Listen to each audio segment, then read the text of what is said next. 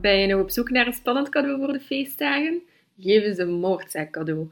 Kruip in de huid van een echte detectieve, doorzoek het internet, ga aan het werk met bewijsmateriaal en ga de schuldige achterna.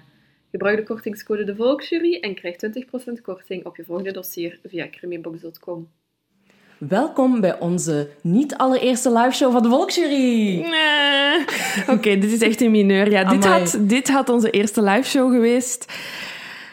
We hadden in Gent moeten zitten eigenlijk vanavond. We hè? zaten nu op een boot. Er waren Lekker eten. Lekker aan het eten. Er waren 25 mensen naar wie wij hadden kunnen kijken vanavond. Ja, Helaas heeft helaas. onze beste vriend corona hier weer anders over beslist. Maar Ehm, goed, zoals men dat zegt, uitstel is geen afstel. Nee, hè? nee, maar we keken er wel echt super hard naar uit. jij bent er de hele dag mee bezig geweest. Ik ben er heel de dag mee bezig geweest. Ik was echt, oké, nu ging ik dan normaal douchen voor er een beetje deftig uit te zien. Ik, heb, ik had een nieuw kleed gekocht. Ik heb het maar aangedaan. Ik Ja. dacht, ja, hier, ik- dit, er gaat geen andere mogelijkheid meer zijn om het Ik aan heb te mijn doen. outfit ook aangedaan, uiteraard, voor vanavond. Ik heb alleen sneakers aangedaan. Normaal zou ik iets nettere schoenen aandoen, maar ik heb... Oh ja, ik, ben echt, toch? ik ben echt full... Oh. maar ik voel me nu een beetje Conor Rousseau. Kent je het? Zo chique kleren. En dan sneakers. En dan sneakers. Klaar om de koning te ontmoeten. dus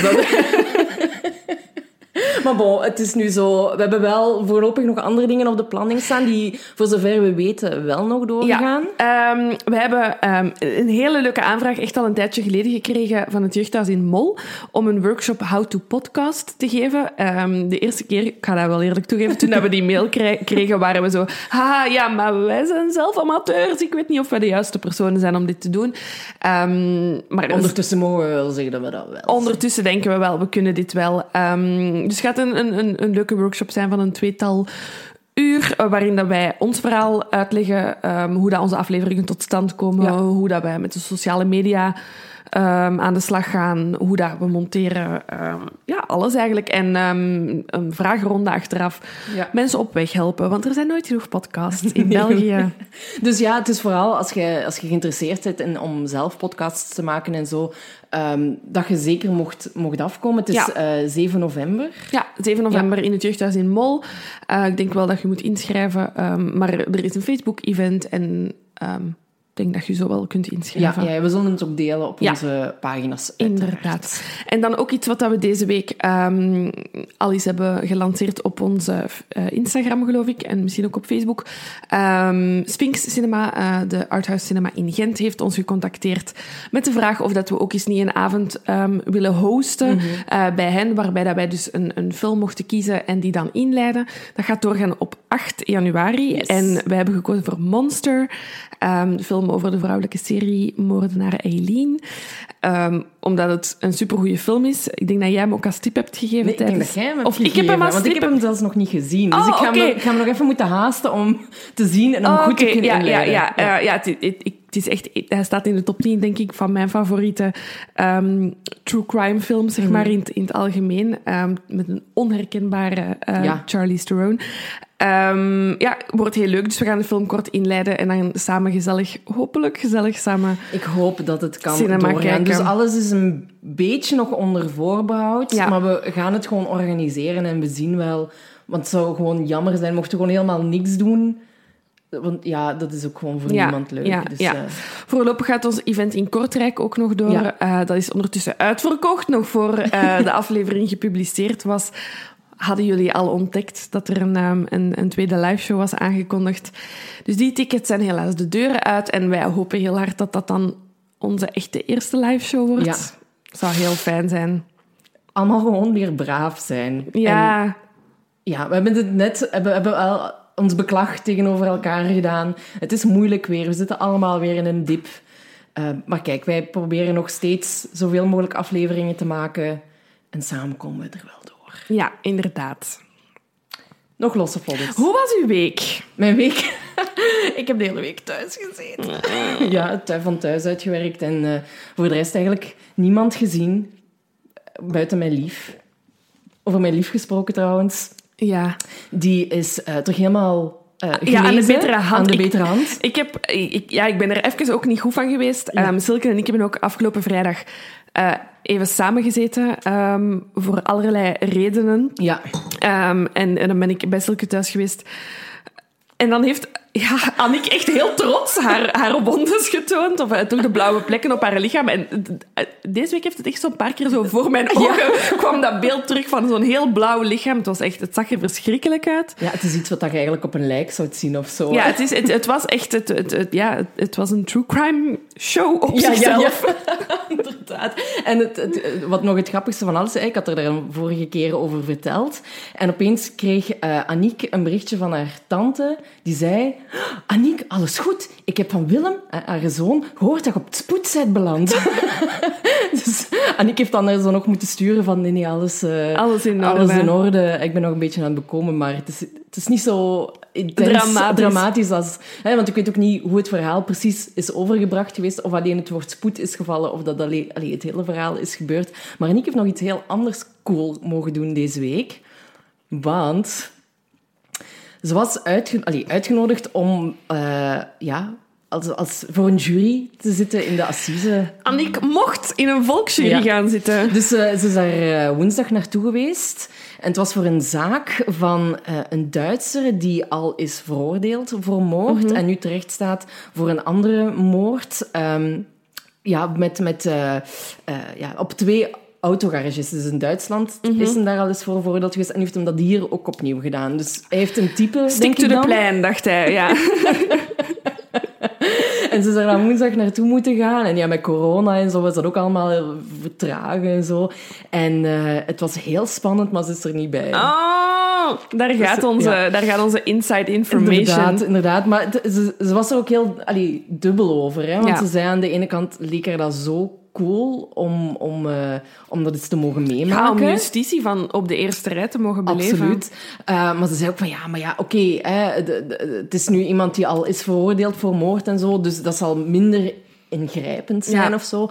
Maar ja, je blijft wel een judgment over uh, iemand over zijn leven. Ja, inderdaad. Dus, en ook, weet je, het komt er dan zo... Ze, heeft nu, ze had nu drie weken thuis moeten zitten vanwege die operatie en dan ze weer naar haar werk moeten bellen van ja, jongens, ik kom nog een week niet. Ja, ja, ja. Um, dus uh, ja, ze, ze had er dubbele gevoelens bij, maar al bij al, ze kwam thuis en ze zei, ja, ik ben toch een beetje teleurgesteld. Ik zou echt instant beginnen wenen als ik niet Amai, gekozen ik zou zijn. Echt ja. ongelooflijk. Hoe was uw week? Ja, uh, we, we, nemen om de twee weken op. Ja. Uh, deze week was um, intens werkgerelateerd. Um, as usual.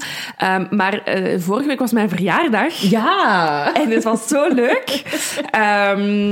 ik heb, uh, ondanks het feit dat ik 12 uur op een filmset moest staan, echt een hele fijne verjaardag gehad. Ik had ook trouwens een korte uh, interactie met een uh, luisteraar, want ik had voor, ik had voor de set uh, koekjes um, mm-hmm. mee als tractatie oh. voor mijn verjaardag. Um, en ik kreeg dan een bericht van een luisteraar die een foto had van dat koekje. En ik dacht, huh? Uh, maar dan zag ik dat het een gesprek was met haar vriend, die blijkbaar dus bij mij op zet stond. En die zei, wist je dat Laura van de Volksjury jarig is vandaag? Um, dus voilà, zo snel gaat het rond dat ik koekjes uitdeelde op mijn verjaardag. En um, ja, verder ben ik een, een verjaardagscadeautje aan het drinken ja, vandaag. Ja, um, ja, Lucas had het, het aller, aller, allerbeste verjaardagscadeau ooit. Uh, people take notes. um, zoals jullie weten drink ik af en toe graag in zijn glaasje. Um, en hij had naar alle onze vrienden uh, en familie gestuurd van... Uh, kijk, ik ga een wijnrek kopen. Um, en wie een fles wil sponsoren voor in het wijnrek, laat maar weten. Ja. Dus ik kwam s'avonds na een lange draaidag thuis met een rek vol 26 volle flessen wijn. Um, en aan elke fles hangt dan een kaartje uh, van wie het is. Um, deze is van Silke, dus die ben ik met Silke aan het opdrinken. Um, was het van vermoeidheid of ontroering? Ik heb geweend. Oh, mm, ja. beide waarschijnlijk. Ja, beide. Het was, maar het was dus... Ik heb wel een hele fijne verjaardag oh, dat is goed. Ja, want dat is moeilijk. één, met uw werk. Twee, met corona. Ja. Om er nu wel echt iets memorabel van te kunnen maken of zo. Ja. Maar het is Fijn om te horen. Het was heel leuk. Het was heel leuk. En ik heb kei veel wijn. Ja, dit. ik ben helemaal klaar voor die tweede lockdown. Nee.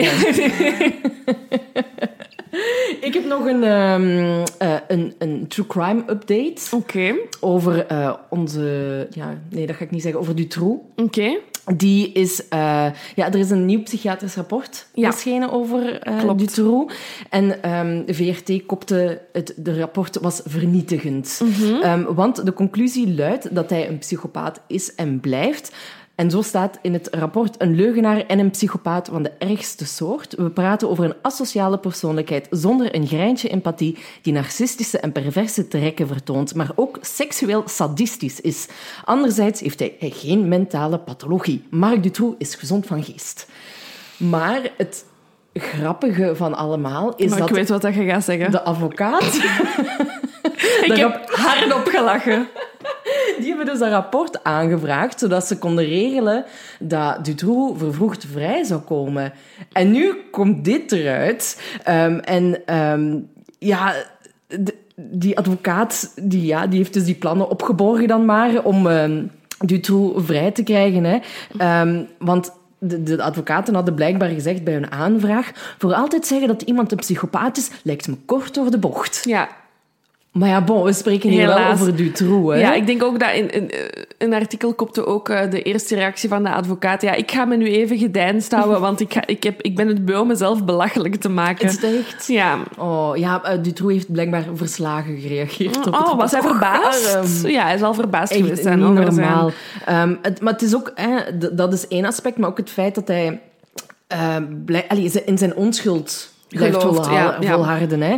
Ehm, er staat ook in het rapport dat er geen enkele verbetering merkbaar is bij Dutroux. En wat de expert het meest opvalt, is het feit dat Marc Dutroux geobsedeerd is om aan te tonen dat hij niets te maken heeft met de ontvoeringen van Julie en Melissa of met de moord op Anne en Eefje. Hij heeft het gevoel dat hij oneerlijk veroordeeld is.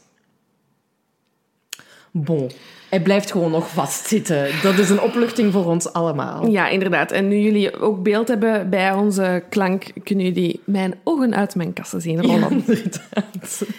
Ehm, ja, ik heb nog een, een laatste dat ik misschien wel wil teasen. Oké. Want volgende week, eh, dus deze aflevering verschijnt op donderdag. Ja. Eh, maar dus aanstaande zaterdag, als jullie dit op donderdag luisteren, bestaan wij drie jaar.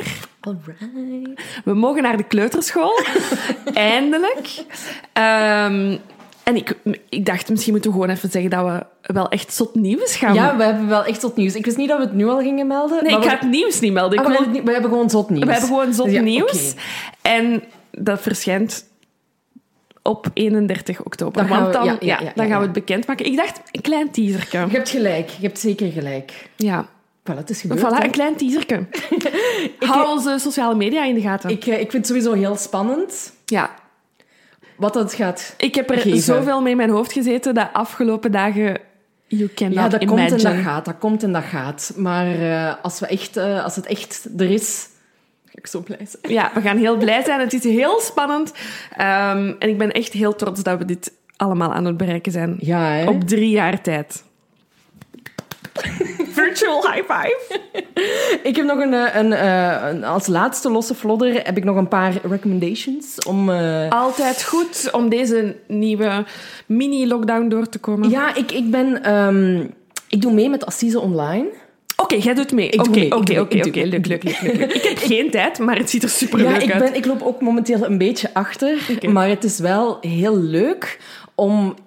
Om, als ik het goed heb, was het eerst een theatervoorstelling. Ja, hè, waarbij dan het publiek mocht meeoordelen over eh, schuld of onschuld van de zogenaamde verdachte. Maar ja, door corona is dat natuurlijk niet kunnen doorgaan. Dus hebben ze een heel slim alternatief bedacht. En hebben ze eigenlijk alle verklaringen en getuigen en advocaten hebben ze gefilmd, heel eenvoudig. En hebben ze dat online gegooid. En elke dag, het is dus een paar dagen al bezig, elke dag is er een ja, een, een, een dag uit de rechtszaak. Die, hè, je hebt om tien uur verschijnt er een filmpje, om twaalf uur verschijnt er een filmpje en zo verder en zo verder. En dat duurt dan vijf dagen, zoals eigenlijk in het Echt een assise, ja. Ehm, en eh, volgende week mogen we dus oordelen over de schuldige. Schuld of onschuld. Dus En maar ja, je moet gewoon schuld of onschuld dan? Dat, ja, dat weet ik. Je krijgt een, een stemmingsformulier, allee, een stemformulier, dus ik denk dat inderdaad daar gewoon gaat op staan, Oké. schuldig of onschuldig. Ehm, maar het is wel tof, want er is ook een heel forum dat eraan vasthangt. Oh, dus je kunt ook met mensen discussiëren en overleggen en je theorieën blootleggen. Ehm, maar ja, ik loop nu al een paar dagen achter, maar je kunt wel alles gewoon blijven zien. Blijven zien. Dus ja. eh, hè, met, voor mensen die weinig tijd hebben, druk, druk, druk, gaat... Gaat het nog? Dus ik zou nog nog, kunnen ja. starten. ik, ik denk niet dat je nu nog kunt starten. Ah, ik denk dat je wel op voorhand moest eh, oh ja, op tijd inschrijven. Maar ik heb gezien op de website dat, er, dat ze eind december opnieuw Een een nieuwe. gaan doen. En het is ook echt tof. Allee, het is met Kader Gerbus, met Kurt Rogiers, met Francesca van Tielen. Bekende koppen, ja. Ja, inderdaad. En ik, maar wa- wat ik denk dat ook, als ik een suggestie mag doen, voor Ja. online... Hey, als jullie luisteren. Het zou ook tof zijn mochten er... Allee, het was nu gewoon snel, snel en een creatieve oplossing, als ze er een hoorspel van zouden maken. Want nu is het gewoon... Hè, je Enkel ziet beeld, Enkel ja. beeld en je ziet gewoon de advocaat of de verdachte spreken richting camera. Maar ik denk dat het tof zou zijn mochten ze alsnog het kunnen klaarspelen om een soort echte rechtszaak scene audiovisueel... Allee, audio, Enkel audio. audio te maken. Ja, want het is niet dat je zo bewijsmateriaal ziet passeren of zo. Tot nu toe heb ik alleen eh, personen gezien. Oké. Ja. Maar het is wel heel tof om, eh, om erover mee te denken. Eh, ik heb al een paar namen zien opduiken in het forum van mensen die bij ons in de Facebook Ja? zitten. Ah, voilà, kijk.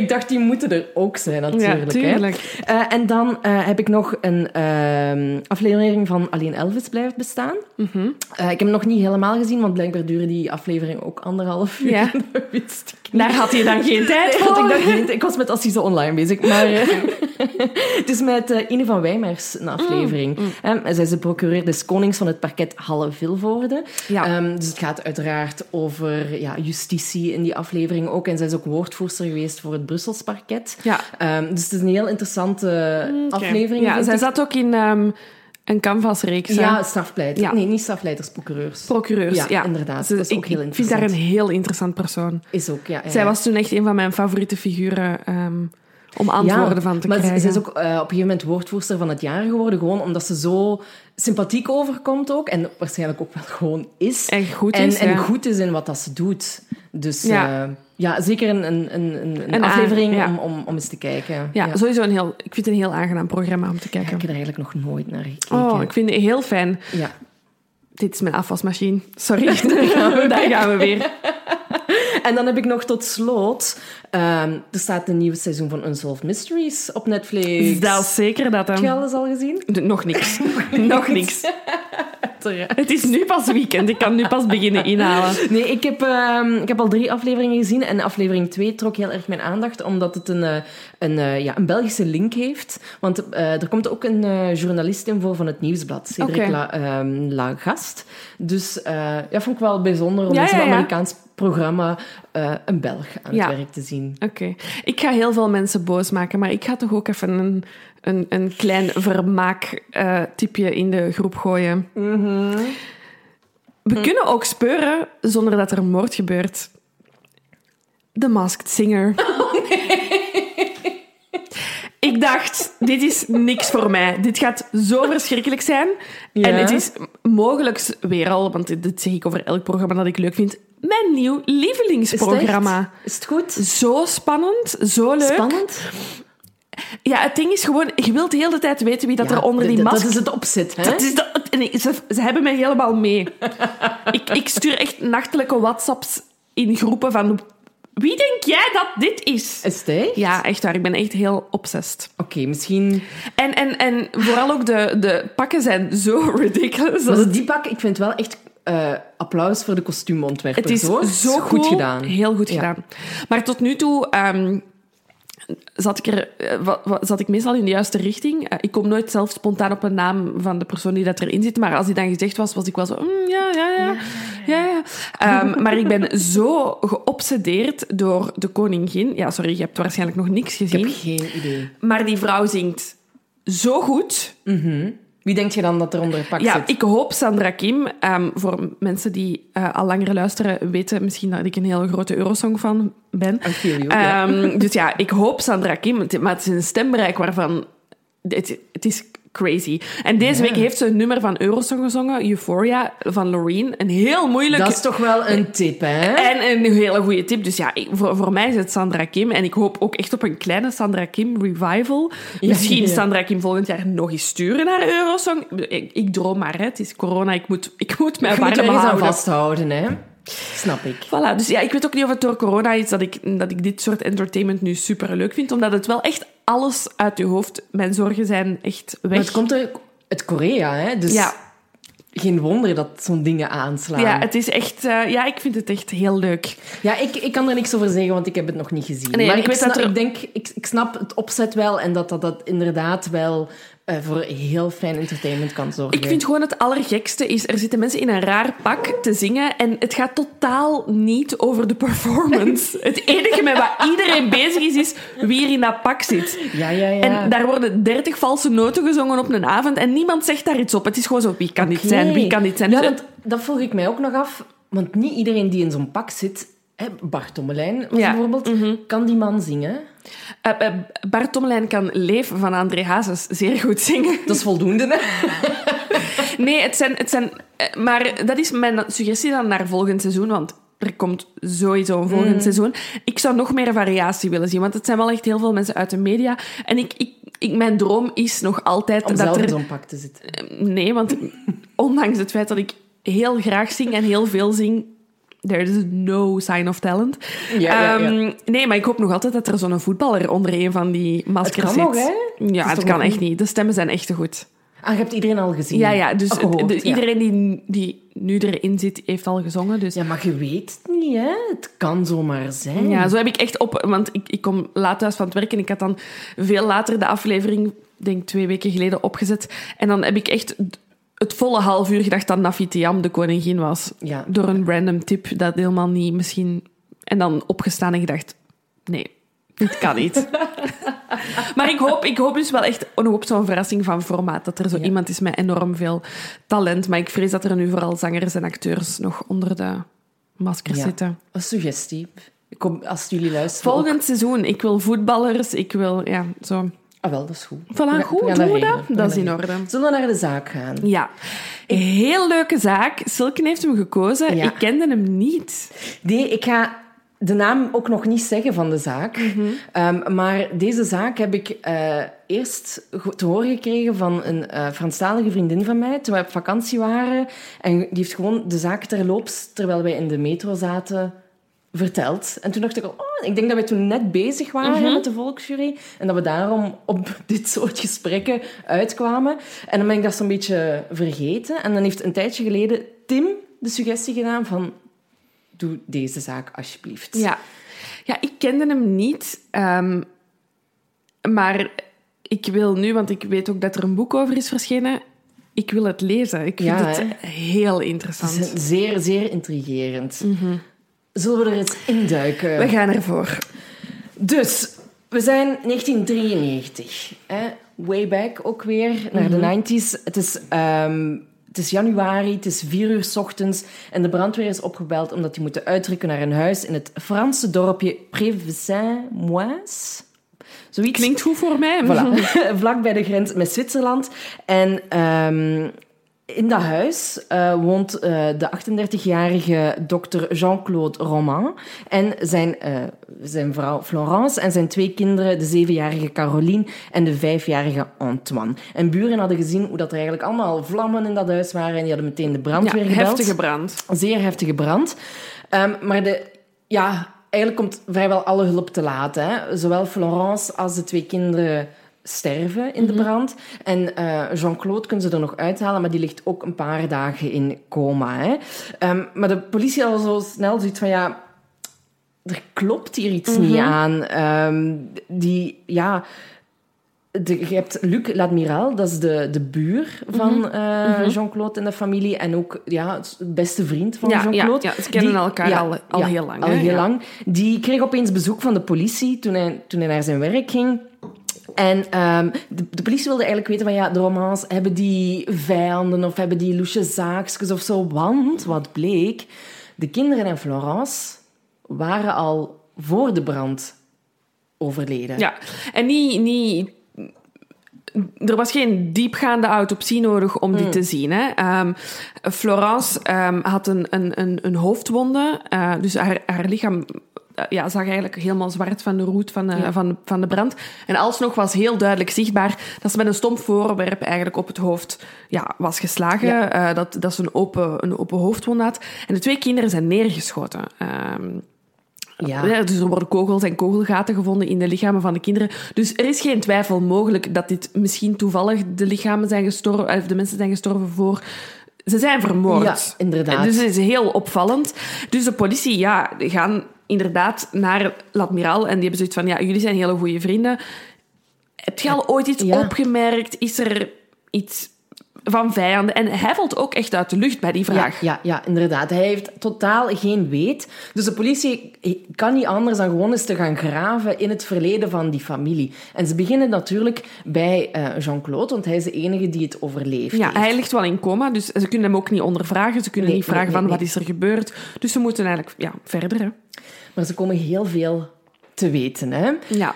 We gaan het gewoon over Jean-Claude hebben en we zien wel Wie, wie Jean-Claude is en, en waar het naartoe gaat ja, allemaal. inderdaad. Ehm, Jean-Claude groeide op in Clairvaux-les-Lacs. En hij had eigenlijk een heel normale jeugd. Hè? Ehm, er, er wordt wel al gesproken... Hè? We hebben naar een, een andere podcast geluisterd, ehm, Crime of Passion. Ja. Eh, we hebben ook eh, artikels van The Guardian gelezen. En daar wordt eigenlijk in, in gezegd van dat hij toen al wel kampte met depressies, maar dat hij dat nooit aan zijn ouders vertelde. Nee, nee het, is, het is eigenlijk... eh, ja, hij is, hij, dus hij is 38 in 93, dus hij Ja. is echt zo... Ja, een, ehm, een, een jaren 60, 70 kind eigenlijk. ehm, een totaal andere manier van opvoeden dan van wat dat we nu kennen. Ehm, hij was een... een hij was een enig kind, vrij verlegen.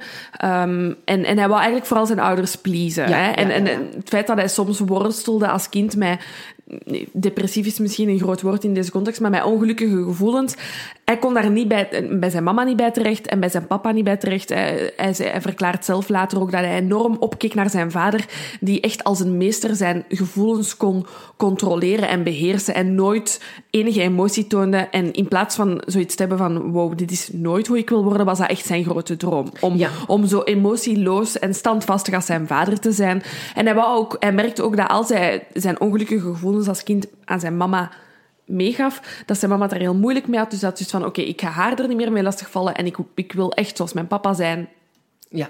Stable, zonder emoties. Ja, en ook qua beroepen. Hè. Mhm, ja. Ehm, Jean-Claude, zijn vader, die, die zat in de bosbouw. En Mhm. hij wou eigenlijk dat Jean-Claude ook die richting uitging. En hij Mhm. begint ook aan die studies. Hè, ehm, na zijn middelbare school in 1971 eh, start hij effectief met les in het Instituut National Agronomiek. Mhm. Ehm, maar al snel stopte hij daar dan toch weer mee, omdat ja, hij werd gepest. Ja, En is dan terug bij zijn ouders eh, gaan wonen. En, maar hij heeft nooit tegen hen, ook weer met die gevoelens en zo, nooit Nee. gezegd dat hij gepest werd geweest, maar dat hij last had van een heftige sinusinfectie. En Ja. dat hij daarom van op afstand, zoals we dat nu allemaal zo goed kennen... ja. ehm, nu zal dat toch nog steeds iets eenvoudiger gaan Ja. dan in 1971, denk ik. Ehm, om die lessen van thuis uit te volgen. Ja, Ehm, ja. En ja, en dat je, dat je gewoon te ziek was om die lessen te volgen. Dan vraag ik mij ook echt af hoe je zoiets ja, veinst, faked. Hoe kun je aan je ouders een sinusitis faken als je bij je ouders bent? Ja. ja, die ouders hadden misschien ook niet in die zin zoveel interesse in hoe Nee. hun zoon was. Ik denk, ze- ik denk ze- dat het een hele bizarre thuissituatie geweest moet zijn. Terwijl er toch sprake is van een normale jeugd. Ja, ja, omdat er gewoon echt niks bijzonders is gebeurd. Maar dat wil niet zeggen dat je daarom inderdaad. niet gelukkig geweest Nee, bent. nee, dat is waar. Elk huisje heeft zijn kruisje. Oké, dus hij faked die sinusitis en hij doet alsof hij afstandsonderwijs heeft. En dan ineens krijgt hij een ingeving en hij heeft zoiets van... Dit wordt het niet, misschien moet ik dokter worden. Ja, en was het ook echt kotsbeu bij zijn Ja. ouders op een gegeven moment. Ja, wilt je ook, je zit 17, 18, eh, kom het huis uit. Ehm, Boswachter lijkt ineens toch niet meer the way to go. Nee, inderdaad. Dus inderdaad, hij overweegt eh, om geneeskunde te gaan studeren. Komt echt uit het niks voor zijn ouders.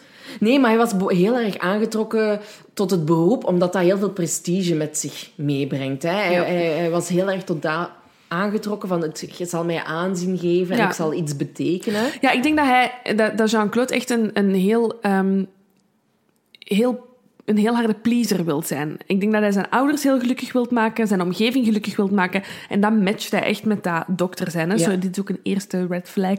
hè? En zijn beroep ziet hij echt als, als, als iets waar dat hij indruk mee kan maken. Dus hij denkt, ja, dan ga ik geneeskunde studeren. Ja, en daar leert hij ook, ehm, of eh, vindt hij terug opnieuw, zoekt hij terug opnieuw contact met eh, een, een, een aangetrouwde nicht van hem, die hij Ja. kende van in zijn kindertijd. Ja. Dat is eh, Florence Crollet. En zij studeerde ook geneeskunde aan de Universiteit van Lyon.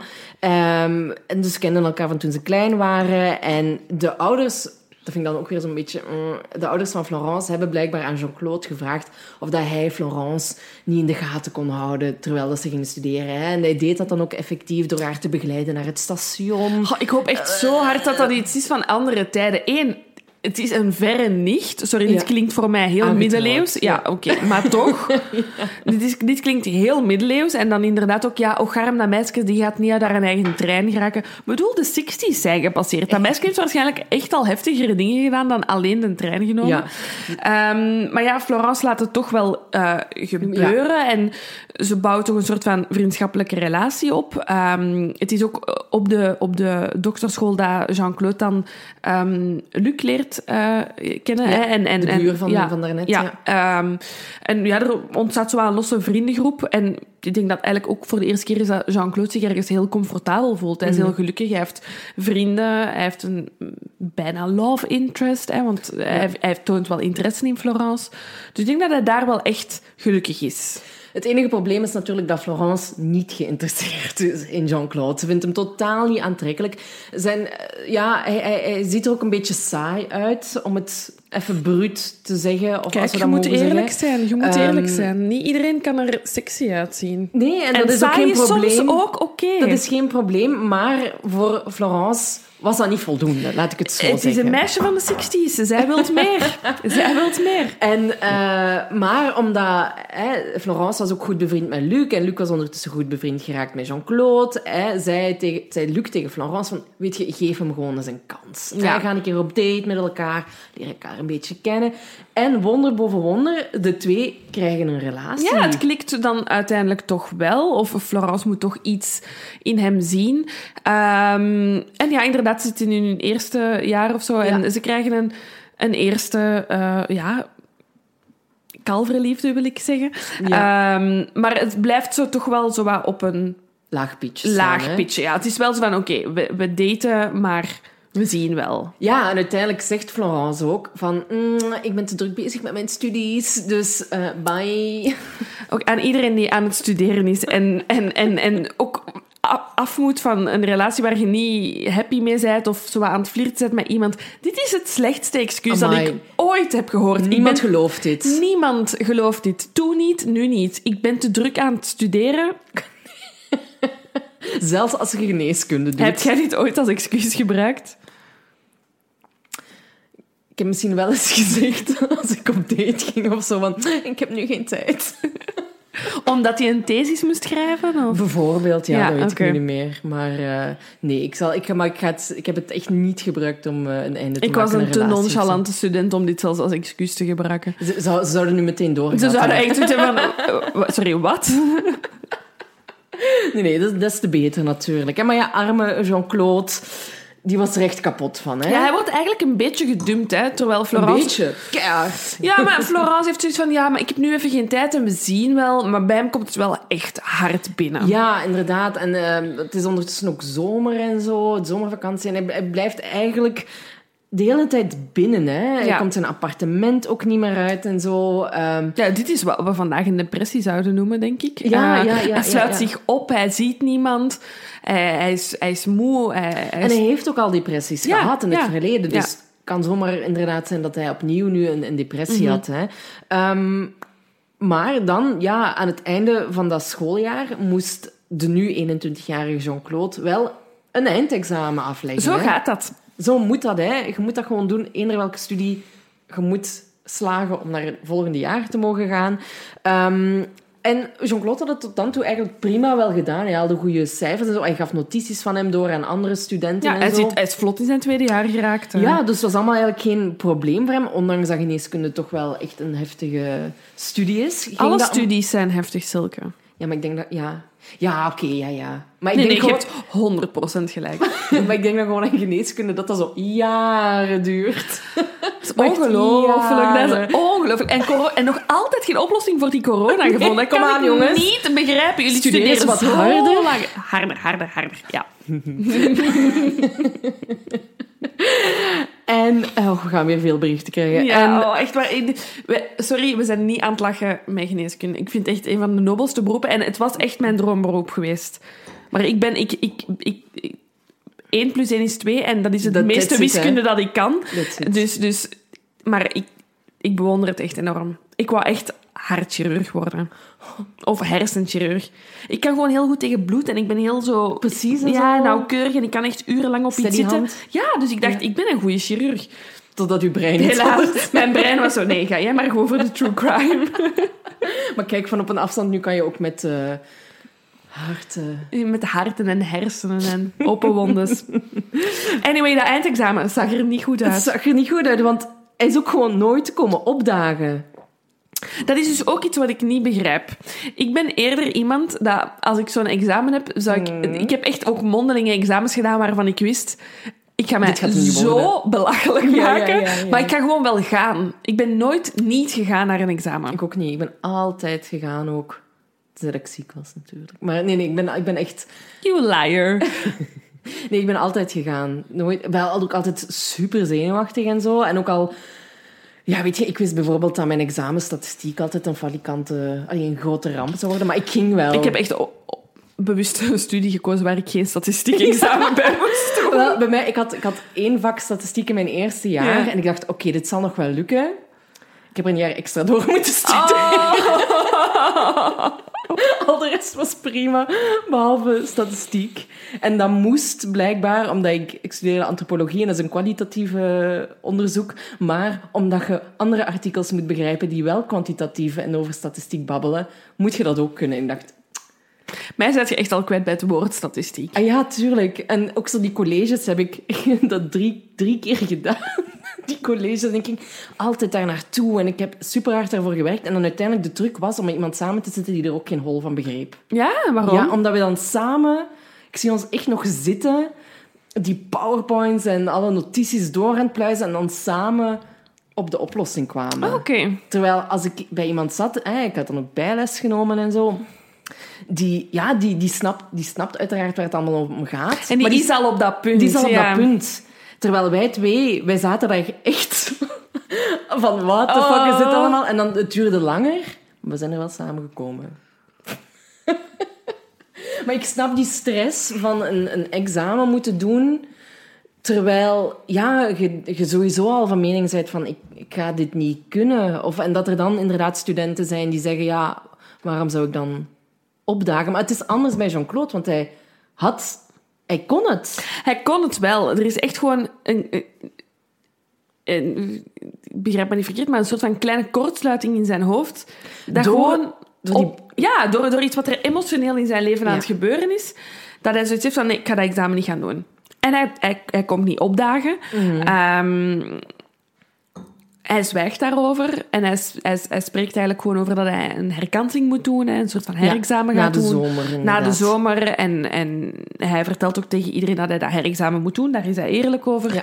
Ehm, en dan komt dat moment daarvan, dat herexamen. Ik, ik wil nog even zeggen dat eh, Florence niet geslaagd was voor het eh, eindexamen. Kijk, ik, blijf gewoon dus, samen. Blijf gewoon samen. Ja, inderdaad. Maar ze zegt, ze stapt dan over naar de farmaceutische wetenschappen. Dit stelt mij ook echt niet gerust. Hè. Dat is, stel, stel je voor dat je dokter aan het studeren en dan zo...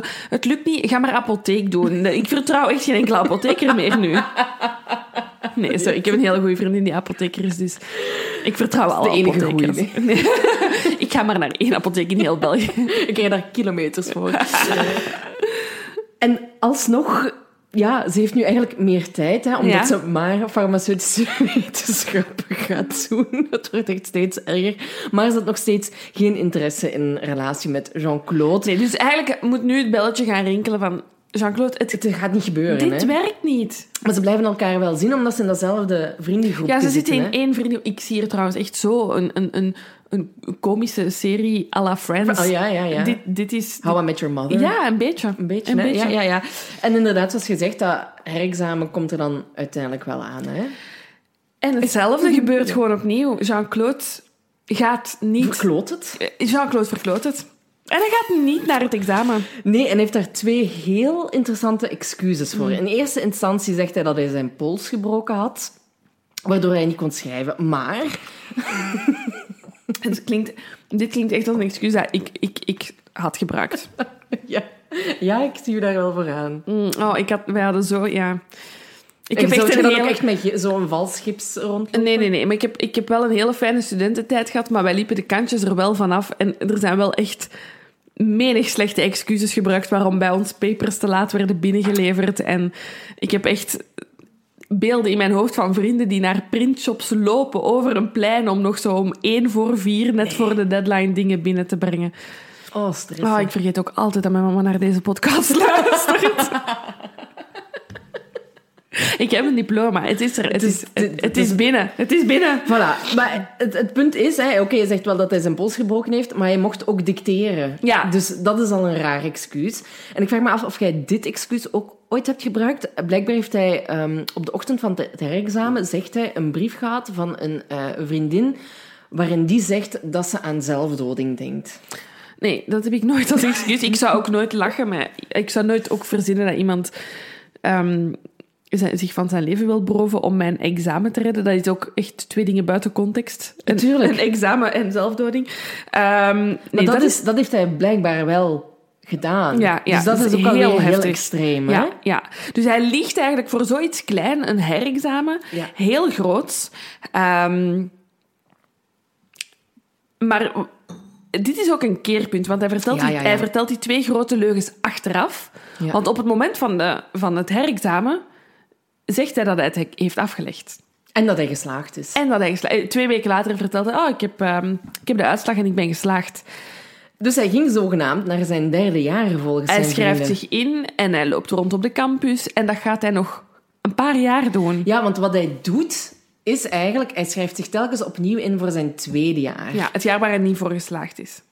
Waar, hij, waar hij wel voor geslaagd Nee, ja, hij is, nee, want hij heeft dat herexamen uit het tweede jaar, dus hij schrijft zich altijd Ja, opnieuw. ja, ja, inderdaad. Sorry, klopt, inderdaad. Ehm, en op school, dat, is gewoon een regel dat je zoveel mogelijk mocht blijven inschrijven destijds in de jaren zeventig. Ja. Ehm, dat je dat zoveel mogelijk mocht doen en blijven doen.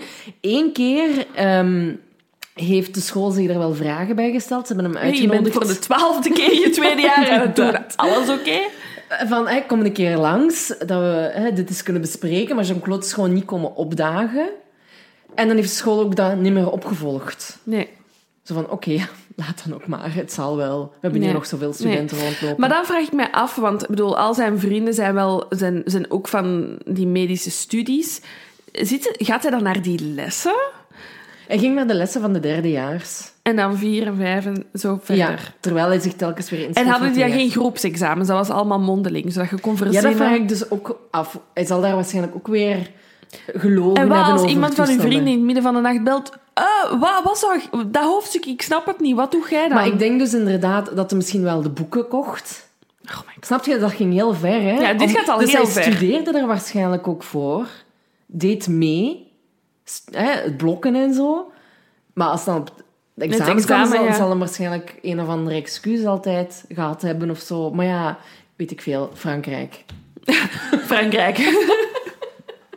Die studeren anders. Nee, Ehm, nee om maar te zeggen, hè, als je ziet dat zelfs die school er totaal geen aandacht voor had, terwijl die toch ook zien op die lijst van, tja, Jean-Claude is hier al de twaalfde keer aan zijn eh, tweede jaar bezig. ja, Bij ons werd er gezegd op school dat de, we altijd een rugzakje met credits hadden. En dat die credits op een, allee, dat rugzakje op een gegeven moment leeg zou zijn. Niet het geval voor nee, nee, absoluut niet. Dus ja, hij doet een stuk of negen keer zijn tweede jaar. En ehm, hij studeert ook fictief af.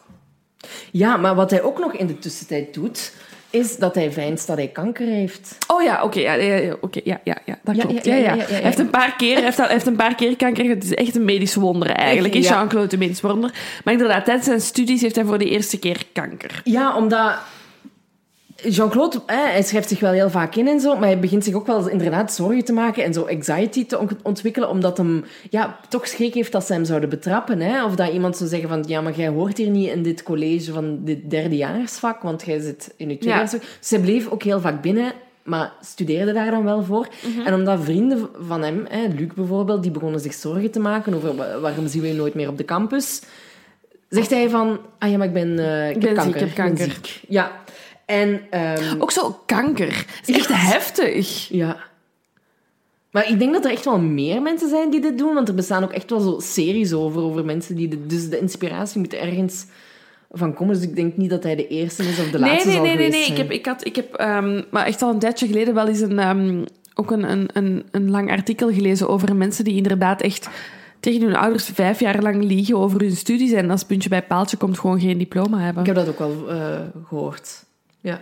Heel erg. Heel erg dat je, dat je over ik zeg niet dat studies banaal zijn, het is heel belangrijk, maar als je daarover niet eerlijk kunt zijn dat het niet lukt, oh, het moet verschrikkelijk Het zijn zijn. ook maar studies ja, uiteindelijk. ja, dit is echt maar vier jaar van uw leven. Ja. En ik hoop dat jullie allemaal 110 worden. Het is echt maar een heel klein deel van jullie Ja, leven. want eh, de- nog niet zo heel lang geleden, ik denk wel nog voor corona, dat er ook wel echt eh, een artikel is verschenen, eh, in de morgen denk ik dat het was, waarin studenten dus getuigden over het feit dat ze logen over hoe de vorderingen van hun studies. Ging, Maar uw studie is op dat moment uw leven. Hè? Ja, We waar. weten zelf hoe dat het is geweest. ja, ja, uw wereld is heel Ja. klein. Hè. Dat, is, dat, is het, dat lijkt het aller, allerbelangrijkste. Ja, inderdaad. Dus ja, ehm, oei, Siri springt hier. Hey Siri! Oh, she wants to join. Ehm, ze spreekt over leven na de dood. Misschien is het goed om met iemand te praten, zegt ze.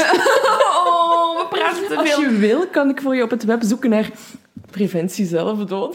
Siri. Oh, Siri. Hey, maar wow, wel supergoed. Amai, zeer on point. Zeer on point.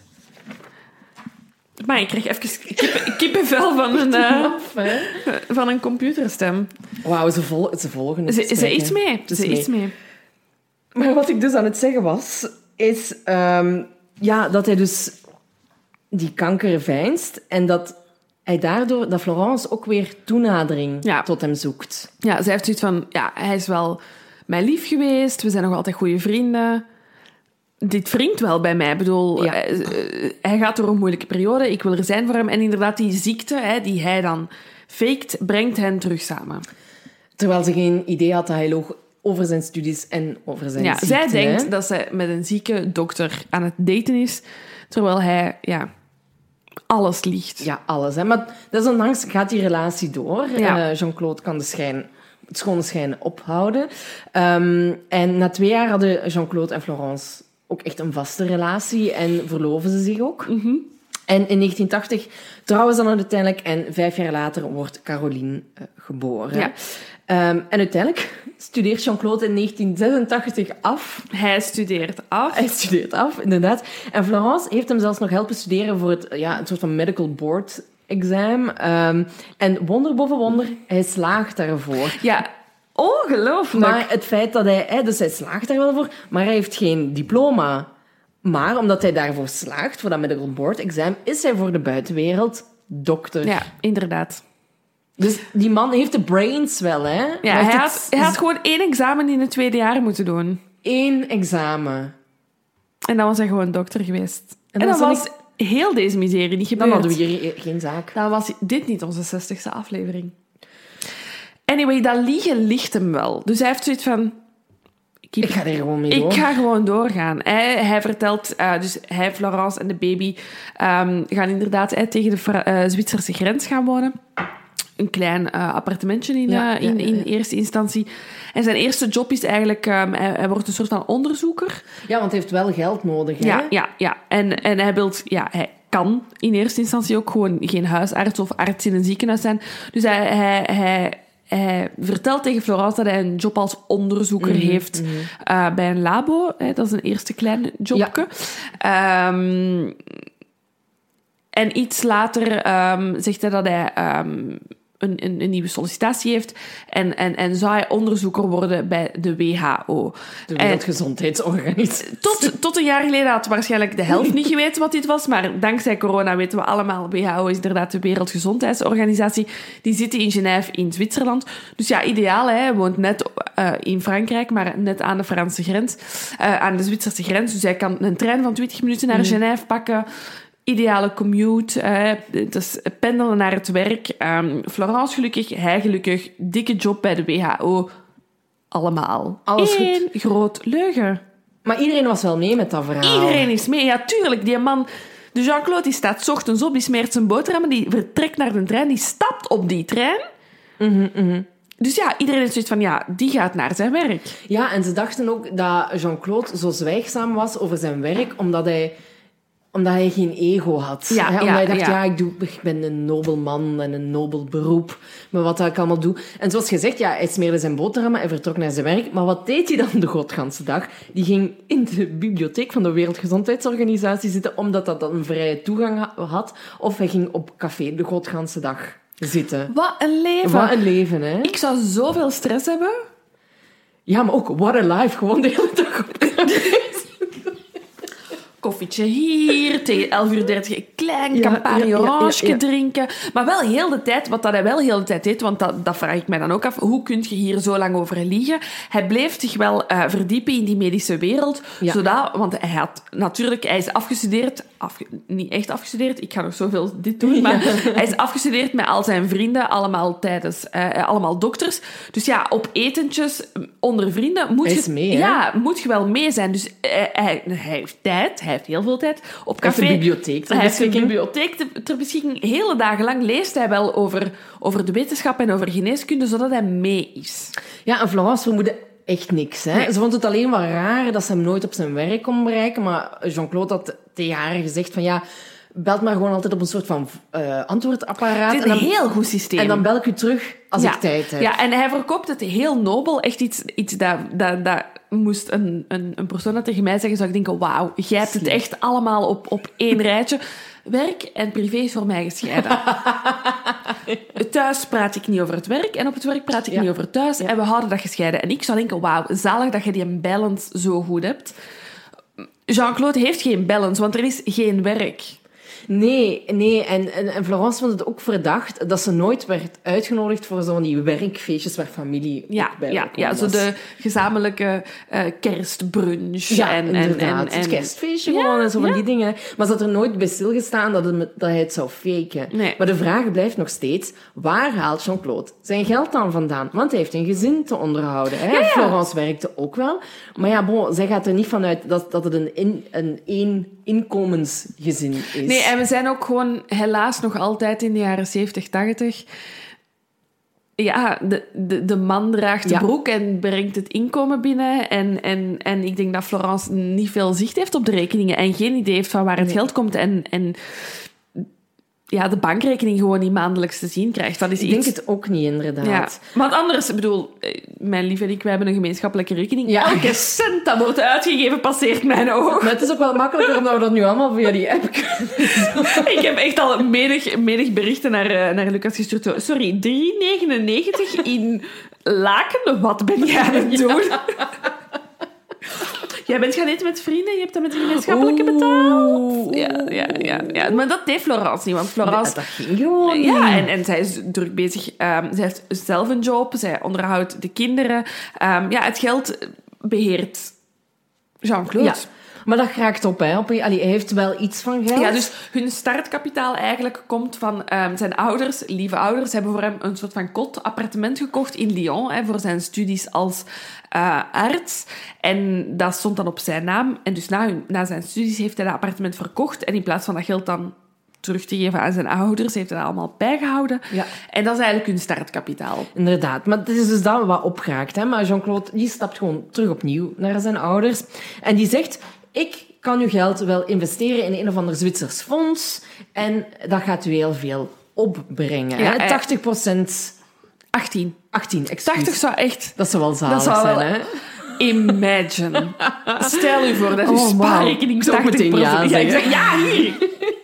En dat is ook wat dat zijn ouders deden. Die, Ja. die vertrouwden Jean-Claude. Ja, die denken, ja, slimme gast, die zal Ja, wel iets hij van linkt, weten. het, hij linkt het ook aan die WHO. Hè. Hij Ja. zegt, het is via mijn werk, het is enkel voor familie. Dus ja, die ouders hebben... Het is hun enige zoon. Tuurlijk zeggen die ja. Dus die geven al hun pensioengeld, wat ze tot dan toe hadden, aan Jean-Claude. Dan is er nog eh, Jean-Claude's oom, die daarvan hoort en zegt... hey, ik wil ook meedoen. En die heeft ook duizenden euro's aan Jean-Claude om te investeren. Ja. Ehm, goed, daar, daar bleef het niet bij. Jean-Claude had ondertussen nog eh, een andere manier van ehm, inkomen gevonden. Want wat bleek? Ehm, de oom van Florence, die bleek ziek te zijn. Ja. Ook kanker, echt effectief kanker. Effectief deze, kanker wordt deze keer. niet, eh, En Florence heeft dan aan Jean-Claude gevraagd: Ja, jij met je connecties bij de WHO, jij moet toch iets weten of kunnen helpen of zo. En Jean-Claude zegt: Ik fix dit. Ik ben aan het werk, of ze zijn bij de WHO aan het werken aan een magische pil die alles wel zal kunnen verhelpen en alles zal kunnen oplossen, maar heel duur. ja, uiteraard. Dus dit gaat u wel wat kosten, maar ik ga u helpen. Ehm, en die oom heeft ook aan Jean-Claude meerdere keren geld gegeven voor die pil. Ehm, dat gaat ook, ja, ik geloof, als ik het goed heb omgerekend, ehm, dat het 2500 euro per pil was. Oh my god. En die oom heeft ja, dus meerdere keren zo'n pil gekocht. Placebo's. Uiteraard werkte het niet, hè. En is die oom, ja, eh, een, een jaar later alsnog gestorven. Ja, en Jean-Claude ehm, spreekt daar ook achteraf over van ja, ik heb me daar in het begin wel een beetje schuldig over gevoeld, want ja, ik heb natuurlijk wel veel geld afgetroggeld van die man. Anderzijds heb ik die man wel een heel hoopgevend laatste eh, jaar van zijn leven gegeven, want hij had wel de hoop om te overleven. En ja, weet je, kanker in de jaren 70, 80, hoe groot is de kans dat je sterft? Heel groot. Dus eigenlijk heb ik niks misdaan. Ja, maar ik denk ook van, mocht die pil, tussen aanhalingstekens, ik doe het ook nu weer, Ja. ehm, er niet geweest zijn. Wie weet was die oom wel nog op zoek gegaan naar andere oplossingen die hem mogelijk wel hadden kunnen helpen of nog een langer leven hadden kunnen geven. Kunt, ja, bedoel, voor hetzelfde geld was hij wel naar een goede specialist geweest die Ja. wel een goede alternatieve behandeling in gang had gestoken. Maar ja, Jean-Claude pra- praat zich achteraf dat schuldgevoel Ja, ja, eigenlijk weg.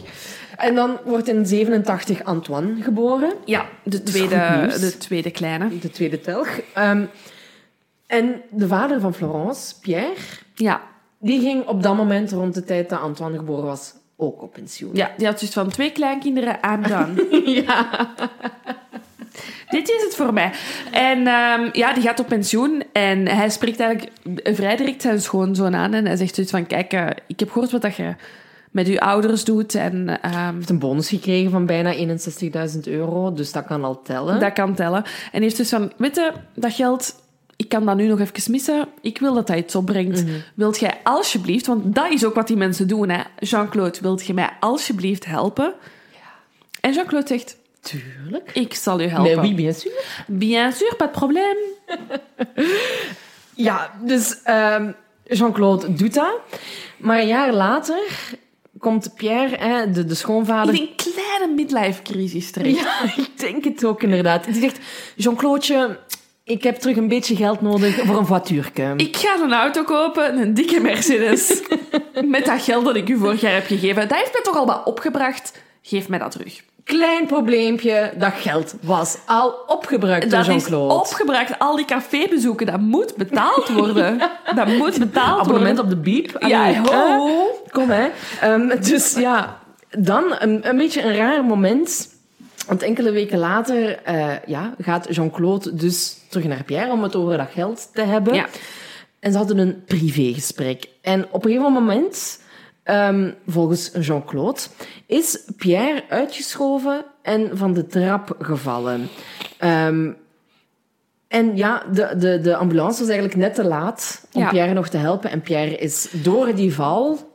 Ja, Pierre is van de trap gevallen gekomen. en om het leven gekomen. En niemand heeft zich daar ooit een vraag bij gesteld. Want Ja, het kon, hè? het kan, dat kan. Het dat kan. kan gebeuren. En natuurlijk, achteraf gezien, zijn mensen zich natuurlijk wel vragen beginnen stellen. Ja, ja, ja.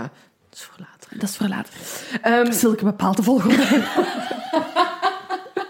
maar we mochten wel vragen beginnen stellen. Je mocht alweer zo'n red flag planten in Yes. de grond. Ehm, en de moeder van Florence, hè, die dus net haar man kwijt is geraakt, die zegt En ja... geen Mercedes heeft gekregen. Inderdaad. Die zegt, ja, ik ga, ik ga mijn huis verkopen, want ik wil kleiner gaan wonen. Ehm, en wat mij daarin opviel, is dat ze ehm, de verkoop van haar huis had 200.000 euro opgebracht. En ik dacht, wow, als je nu kijkt naar de prijzen van huizen... En dat werd, was die tijd destijds... Dat is nu nog veel geld, maar destijds was dat Nog meer geld. nog meer geld. Ehm, en ja, ehm, Jean-Claude en zijn gezin zijn daarna verhuisd nog naar een, naar een groter gezin, Ja. eh, naar een groter huis in Prévesan. Ehm, maar Jean-Claude die had echt een gat in zijn hand hè, en Ja. die bleef maar geld Ik hoop dat mensen aan het kijken zijn als, als, als zulke deze beweging doet. En toen, sorry, leerde hij Corinne Hortin Ja, want kennen. ondertussen zit Jean-Claude ook in de leeftijdscategorie om een midlife-crisis Oh, te ja. krijgen. Een klein crisisje. We zijn, hij, is nog, hij, is nog, hij is nog maar 35 of Ja, oké, maar het is een man die, na zijn, die tijdens zijn studies getrouwd is. Mm. Hij heeft echt geen losbandige tijd gehad. Dus nu, die kinderen zijn nu net uit de pampers. Hè. Die, kunnen, Ja, ja, ja, ja, ja. die kunnen hun eigen groentepap eten. En die heeft zoiets van... Ja. now is the time. Ook, er komt gewoon veel geld binnen, hè, want ja, zijn Al investeringen. zijn investeringen en zijn schoonvader is gestorven en heel veel geld, groter huis gekocht. En die heeft zoiets van, ja, er is eigenlijk een vrouw op wie ik al een tijdje een oogje heb. Want het is uiteraard iemand uit dezelfde vriendengroep. Hè. Het is een vrouw die, ehm, ja, van een, eigenlijk de vrouw van een bevriend koppel die uit elkaar zijn gegaan. En zij is naar, eh, verhuisd naar Parijs eh, om een nieuw leven te beginnen.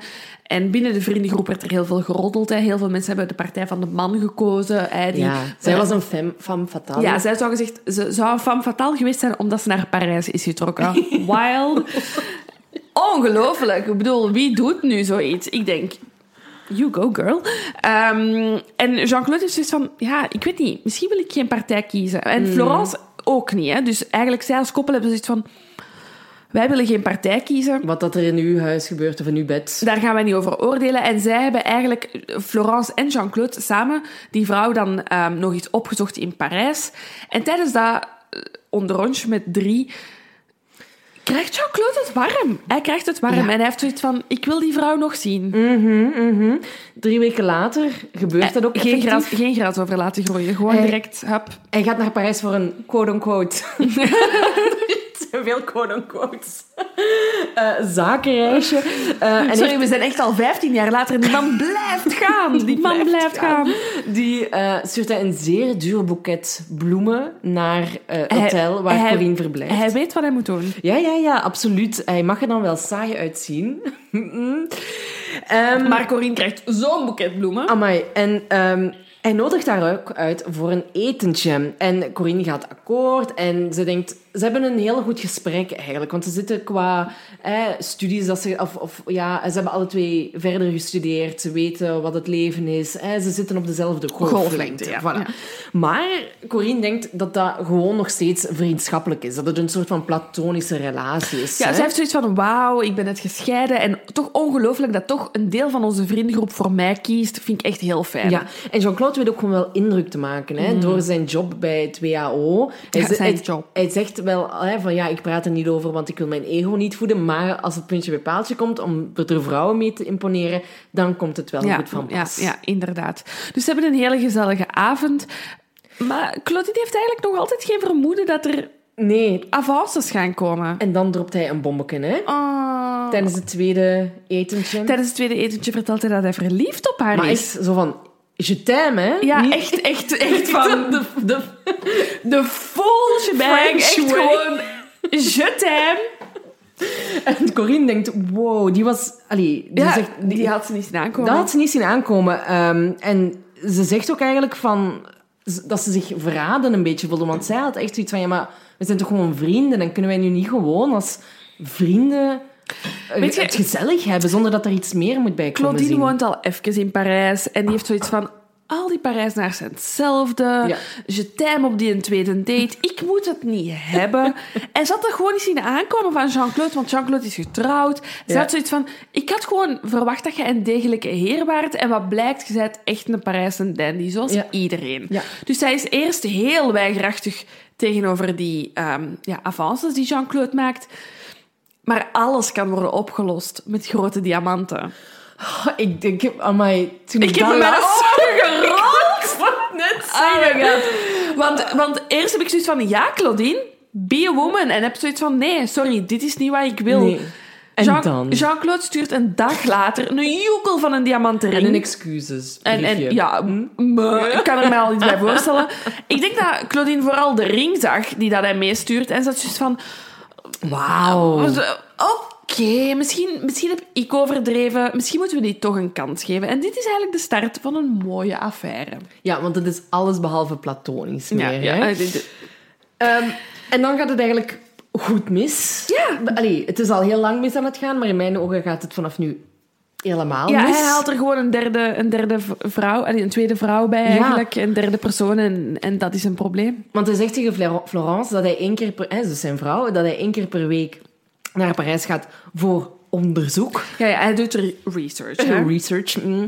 Maar hij geniet daar ook wel echt van het luxueuze leven. Hè. Het gaat echt van hij, hij gaf al veel geld uit, maar nu wordt het echt veel erger. Luxueuze hotels, luxueuze kleren, cadeautjes voor Corine, ehm, dure etentjes voor Corine. Allee, hij pakt het er gewoon van, Ja, ja. echt.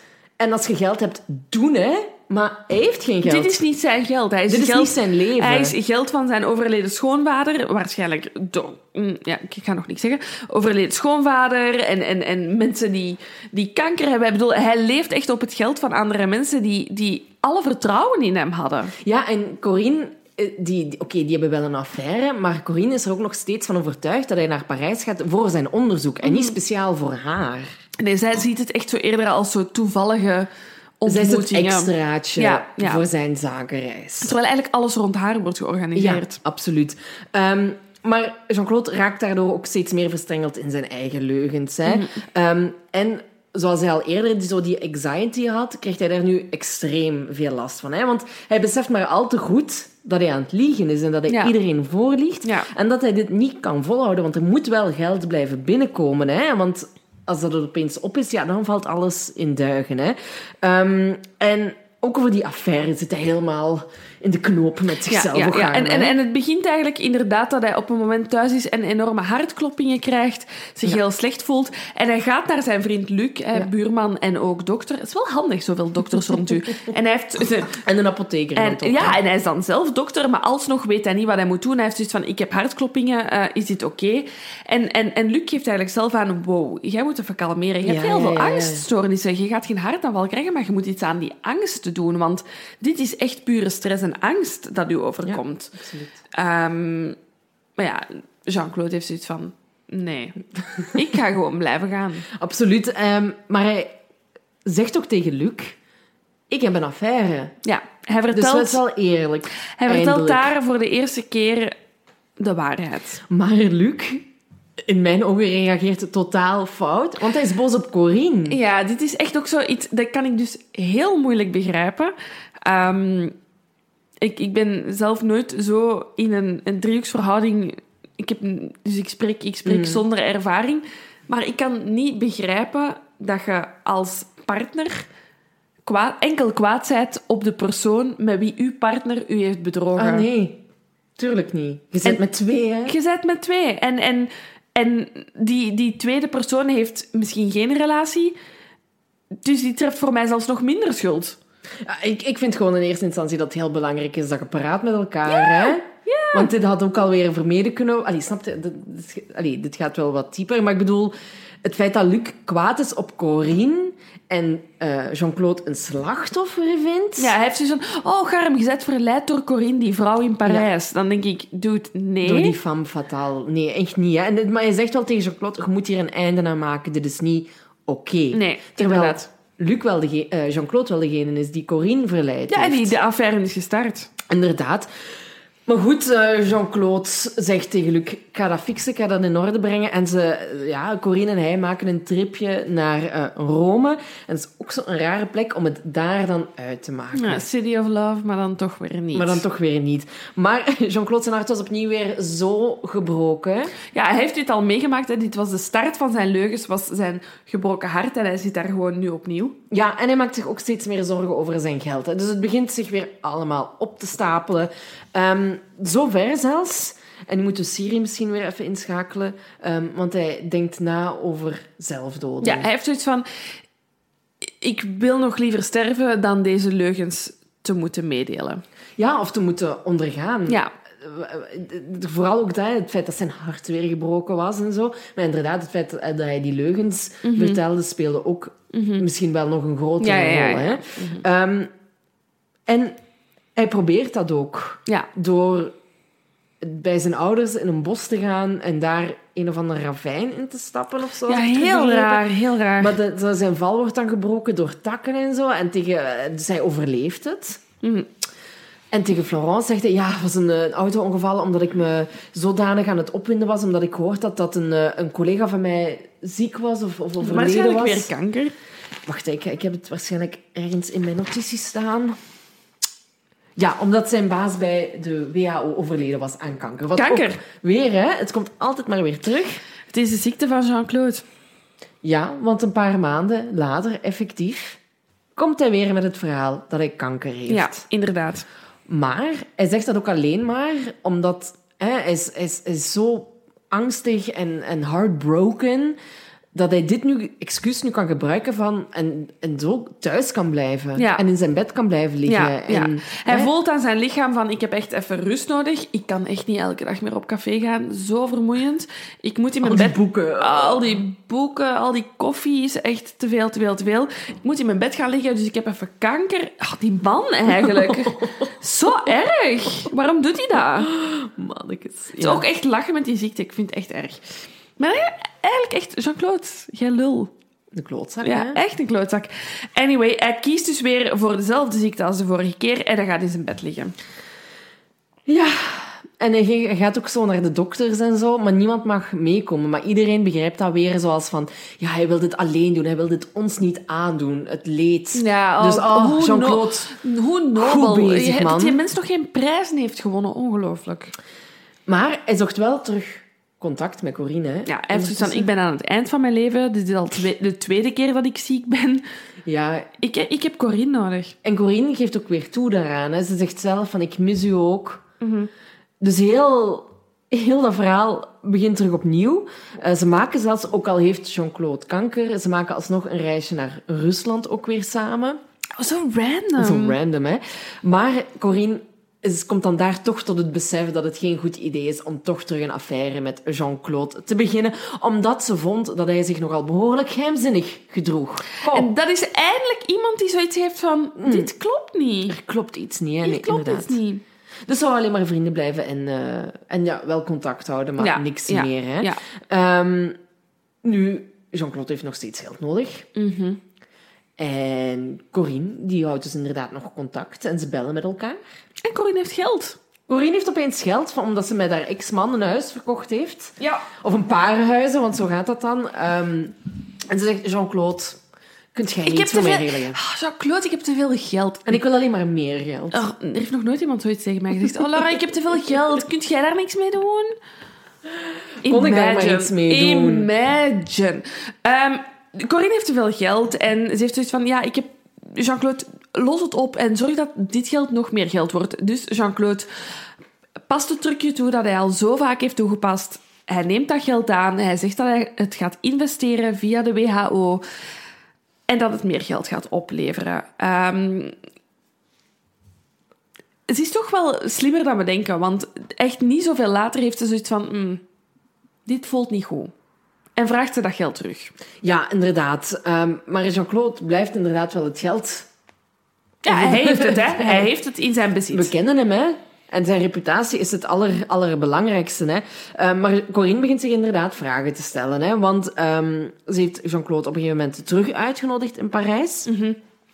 En heeft tijdens dat etentje eigenlijk ja, haar geld teruggevraagd. Hè. Ja, eigenlijk En- vrij, vrij snel heeft ze zoiets van... Geef het terug. En wat ik dan wel heel knap vind van Jean-Claude, is dat hij kalm blijft. Maar die is er al aan getraind waarschijnlijk. Hè? Maar je zou toch denken dat hij meteen in paniek zou schieten van... eh, Het is op. het is op. Eh, maar hij blijft kalm en hij zegt van... Ja, weet je, ehm, kom binnenkort eens mee naar een werkfeestje van mij. Of een diner. En dan daarna zal ik u eh, uw geld teruggeven. En Corinne denkt, ja, prima, dat is allemaal goed voor mij. Ehm, en ja, er- ontstaan wel wat meer barsten. Hè. Het is Ja. niet alleen Corinne die zich vragen begint te stellen. We zijn ondertussen 1992 trouwens. Ons geboortejaar. Mijn geboortejaar. Uw geboortejaar. Mijn geboortejaar. Ehm, Die had En- zoiets van, oh fuck, die true crime speurder komt eraan, we moeten dit nu oplossen. ehm, en het gaat steeds slechter met Jean-Claude. Ja. Want hij kon, ja, Corinne begint zich vragen te stellen, maar ook Florence. Die begint toch Die iets heeft, te die heeft toch vermoeden. zoiets na twintig jaar huwelijk, heeft hij zoiets van, ik denk toch dat er iets niet klopt. Nee, want ze kwam een vrouw tegen, waarvan Heel haar raar. man Ja. Ook bij de WHO werkte. En die sprak van, ja, ik ben uitgenodigd voor het kerstfeestje en komen jullie ook en bladibladibla. En Florence had zoiets van, mm, Mm, nee. dit is toch wel raar dat wij niet uitgenodigd zijn. Maar we, zei, we weten niet of, of Florence Jean-Claude daar ooit over heeft aangesproken. En hè? eh, ik denk dat Florence ook misschien... Je denkt ook nooit zo groot als dit. Ik denk Nee, dat je eerder nee. denkt... "Ah, die pakt zijn minnares mee. Toch? En dat zou zomaar kunnen, hè? Het zou zomaar kunnen. Ik denk niet dat je denkt, oh ja, mijn man ligt al twintig jaar over zijn carrière. Nee. Nee, nee, nee, nee. Ik denk dat dat echt... Ik zou daar ook niet aan denken. Nee. Maar ze, ze, ze- er is ook nog iets anders raar, want eh, Jean-Claude was om de een of andere reden ook lid van, het, van de schoolraad. Ja, daar had hij nog tijd voor. Echt, tuurlijk heeft hij tijd. Hij heeft heel veel tijd. Zo'n nobele man, die Zo'n toch nog zijn man. kostbare tijd... Dat die mens... Ik zeg het, waarom heeft hij geen prijzen gewonnen? En die directeur heeft hem op een gegeven moment dringend nodig voor iets. Dus die zoekt hem op in de... De toiletten zijn verstopt en die heeft zoiets van... Jean-Claude. Jean-Claude, ga mij helpen. met al zijn kennis. Eh, en dus ja, die heeft hem dringend nodig en die, die zoekt tussen ja, de, de, de, gegevens van de Wereldgezondheidsorganisatie naar het telefoonnummer van Jean-Claude. Dit doet mij ook echt zo... Sorry dat ik je onderbreek, maar dit is echt zo vroeger... De, de, de gouden gids. Ja, de gouden gids, maar ook gewoon mijn ouders. Ik belde inderdaad echt gewoon zo de nummer van hun bureau. Ja, ja, en dan echt ja. zo... Bel voor mijn mama. En wie is uw mama? Sabine. En. Ja, maar dat is echt No shame, hè. echt in meeting. Zo, ja, Laura, ik zit in meeting. Ja, maar mama, ik, sorry, ik heb een vraag. dat was zo totaal niet belangrijk. Die vrouw in meetings aan het opnemen. Oh, Oh, kinderen. Ja, echt waar. Er is zo'n heel geweldig verhaal dat... ehm, mijn ouders hebben beide in de luchtvaart gewerkt. En mijn broer heeft op een ochtend naar mijn eh, vader gebeld, die op dat moment echt aan het opstijgen was met zijn vliegtuig. Papa, ik vind mijn gymzak niet. En hij begreep het, en mijn vader begreep dan dat woord niet. En mijn broer bedoelde gewoon een turnzaak. Ja. Maar de, le- de leerkracht zei dan gymzaak en hij zei dan gymzaak. En het was heel verwarrend. En allemaal op een, op een vliegtuig aan het gebeuren. Dat is wel heel schattig. Ja. Nee, maar ik herken dat heel goed hoor. Ja. Die Dat je echt denkt... Dit is heel belangrijk, mijn vraag. En dan zo belt naar je ouders. Mm. De En schoolraad... de, de, dat de schoolraad had zoiets van... Wij moeten de Jean-Claude nu horen. Maar ja, bon, geen gegevens te vinden hè, in, in, in die gouden gids van de WHO. Ehm, dus ehm, daar beginnen toch ook wel al een paar vragen eh, te reizen. Want de directeur heeft dat inderdaad ook gemeld aan Florence. Ehm, maar ook opnieuw niet geweten of ze daar ooit iets van... Op gereageerd Ja, heeft. Nee, inderdaad. Maar ja, Jean-Claude begint wel te voelen dat het begint te barsten. Hè? Het net begint zich te sluiten. En hij overweegt om weer uit het leven te stappen. Ja, hij heeft zoiets van... Het is echt genoeg geweest. Ja, maar het, het was zo rond de kerstperiode, dus hij dacht... Ik ga het nog even uitstellen. Dit is niet de periode. Dit is niet, sowieso nooit het moment. Nee, maar, Maar- hij heeft zoiets van kerst. Nee, dit kan ik mijn kinderen niet aandoen. En hij begint echt te rekenen van... Oké, ik heb ergens midden januari dat etentje... eh, waar Corinne aanwezig gaat zijn. En die moet daar geld terug En hebben. die moet daar geld terug hebben, dus het moet er wel voor gebeuren. Maar ik heb dan kerstmis en ik ga dan ook skiën. Ze hebben een soort van skitrip Ja. dat ze elk jaar doen. Dus hij heeft zoiets van, mm, zo 2 of 3 januari zou wel goed zijn. Ja, en tot dan gedraagt hij zich ook heel erg normaal. Ja, ja. Nou, hij gaat inderdaad mee op die skireis en zo. En alles... Ja, lijkt niks aan de hand te zijn. En ze komen terug ehm, van die vakantie. En dan begint Jean-Claude, dat is zo 5 januari ongeveer, Ja. 1993... ehm, begint hij zo wel wat meer onderzoek te voeren Ja. naar bepaalde zaken. Hè? Ja, ja, ja. Hij begint ja, op te zoeken hoe dat gif werkt. Ja. Hij gaat naar de apotheker, niet naar zijn vrouw, maar naar een andere apotheker. De betrayal. Die, eh, om, om daar ehm, ja, een bestelling te plaatsen voor barbituraten. Dat zijn zo, ja, dat is medicatie die Ja. kalmerend werkt of slaapverwekkend werkt, als ik het goed Ja. heb. Ehm, en een dag later heeft hij dan... Koopt hij een pistool, munitie en zo een demper. Ja. Dat, ze, dat je zo op je pistool zet. Dus Hij gaat er wel voor. Hij is duidelijk extreem iets aan het voorbereiden. Hij is iets aan het voorbereiden, inderdaad. Ehm, hij liet de, ehm, de wapens in cadeaupapier inpakken. Oh my god. Dat wist ik niet. Verder wordt er Ik ook zie, echt, ik zie nu echt, echt zo de vorm van een wapen zo in, van haar rood met zo'n groot gouden lint voor kerst. ja, ja, ja, zo van dat rood gekleurd papier met zo kerstbollen op en zo. Maf toch, hè? Dat Ah, hem dat laat ik ben al benieuwd wat jij mij voor kerst gaat geven. Ik hoop op een wapen. Een demper, hè? Laten we daarmee beginnen. Ehm, dus ja, hij begint zo'n beetje... van het padje af te geraken. Allee, als je snapt, ik wil... Allee, bo, hij heeft het verkeerde pad gekozen zoveel jaar geleden. Maar inderdaad, maar nu is het echt zo naar de afgrond ja, en er zit ook geen ehm, rationalisering meer in, of moet ik het zeggen? Het Ja, nu- als laat- je wapens begint te kopen, is het echt grondig fout. Maar vooral als je het ook nog laat inpakken. Wapens kopen, jongens, prima. Oké, allemaal oké. Maar inpakken... mm. Ehm, en ja, die volgende dagen verlopen eigenlijk nog vrij eh, normaal. Hij gaat dan uiteindelijk toch nog op 8 januari die barbituraten halen. En zijn ze nog een cadeautje gaan halen voor eh, een vriendje van de kinderen, omdat hij een verjaardagsfeestje organiseerde. Wow, ik weet niet of dat we er al ooit zo lang hebben over gedaan om tot aan de moorden te komen. Ja, nu zijn we er, hè? Hier zijn we dan, Nu jongens. zijn we er, hè? Hiervoor je- luisteren jullie naar ons, want Jean-Claude gaat aan het moorden. Eh, ja, wat dat gewoon al langer er zat aan te komen, is dat Jean-Claude 20, 30 jaar leugens aan het opbouwen is en zoiets heeft van, dit gaat niet meer. Ehm, en de focus blijft effectief. We hebben het, sorry, voor deze opnames er al over gehad, maar Jean-Claude, zijn main focus is zijn eigen leven beroven. Ja, Maar hij beschouwt zijn gezin als deel van zijn leven. Dus hij heeft zoiets van, als ik ga... als echt van hem. hè? Ja, dit is, dit is deel van mijn leven, deel van al mijn leugens. Als ik ga, gaan zij ook.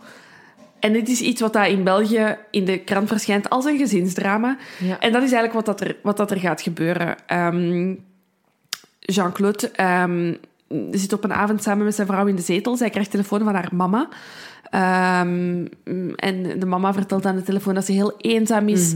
Eh, en zijn, die- zijn schoonmoeder is heel verbitterd en heeft zoiets van... Ja, eh, ik krijg te weinig bezoek van jullie, van mijn kinderen, van mijn kleinkinderen. Ehm, en de vrouw, vrouw van Jean-Claude is daar heel erg van aangedaan. En ze is echt aan het huilen en, en echt heel hard in paniek. En eh, Jean-Claude neemt haar op haar schoot en troost haar... En, en voor mij is dat echt een beeld van... Dat is echt een close koppel. Het feit Een dat je, ja, hè, dat is echt liefde. Hè? Eh, Heel ongelukkig en hij troost haar. En zij voelt zich ook... Zij kalmeert, zij wordt rustig. En één seconde later neemt hij een stom voorwerp en slaat hij haar hoofd in. Ja, ze gaat in bed liggen. Ze doet haar ogen dicht. Hij gaat naast haar zitten. En hij pakt een deegrol, by the way. Hè? Niet zomaar een stom voorwerp. Hè? Pak een dan een fles deegrol. wijn. Maar de- die deegrol lag daar toevallig omdat de kinderen met klei hadden gespeeld. Ja. Hè? Zo met Play-Doh. Hè? Ja. Ehm, dus ja, hij pakt daar een deegrol, Ja. allee, de deegrol uit de Ja, dus eigenlijk, zo, ik kan me zo voorstellen, je bent als, eh, je, je bent als vrouw, je moeder heeft u net gebeld, je, Oh, bent je, je, je hebt zo een keer goed geweend, Ja, ja, ja. maar je ja. hebt zo die opluchting gehad en met die opluchting ga je slapen en dan word je vermoord door je man die u net een half uur heeft zitten Zonder over- dat je het beseft, Ja, hè. die heeft u zitten troosten in normaal. Ja, dat is het enige waar ik mij aan kan optrekken. Is dan, ja, zij, zij heeft er niks van geweten. Hè. Ze is, ze is ik denk met één of twee slagen gestorven. Ehm, en Jean-Claude kan er niks beter op vinden dan gewoon naast haar te gaan liggen en de nacht... Ja, we te weten slapen. niet echt wat dat hij die nacht nog gedaan heeft. We veronderstellen inderdaad dat hem is gaan slapen. Ehm, en dan 's ochtends, hè, want eh, Caroline is er nog, Antoine is er nog. Ehm, krijgt hij een telefoontje en er wordt gevraagd van ja, komt eh, Florence vanavond naar de mis? En Ja. zegt ja, nee, ze is er nu niet, dus ze zal er vanavond niet zijn. En daardoor worden Antoine en Caroline wakker. Ja, En die gaan, hè, die wilden de slaapkamer binnengaan. En, eh, en, en Jacques zegt, nee, nee, nee, nee, hier niet binnenkomen. Hè, want, eh, want je moeder ligt hier vermoord. Inderdaad. Ehm, dus ze gaan samen tv kijken. En Jean-Claude heeft daarover verklaard.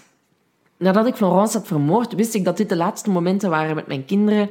Ik knuffelde ze nog en zei dat ik van hen hield. Ik stel, die, ik stel dan zo voor dat ze zo naar programma's à la Plop zitten te kijken. Hè? Ik deed dat vroeger ook met mijn ouders. Of zo Samson en Gert, hè, gezellig samen. Ja, ja, ja. Zeer erg. Ja. Zeer erg. Ja, want wat hij doet is... ehm, ja, hij heeft natuurlijk nog dat wapen hè, dat hij heeft gekocht en laten inpakken. Ehm, en hij roept eigenlijk zijn zoon mee naar boven. Ehm, Caroline, eh, eerst. sorry, ja. Ja. eerst de dochter, eh, de oudste, mee naar boven.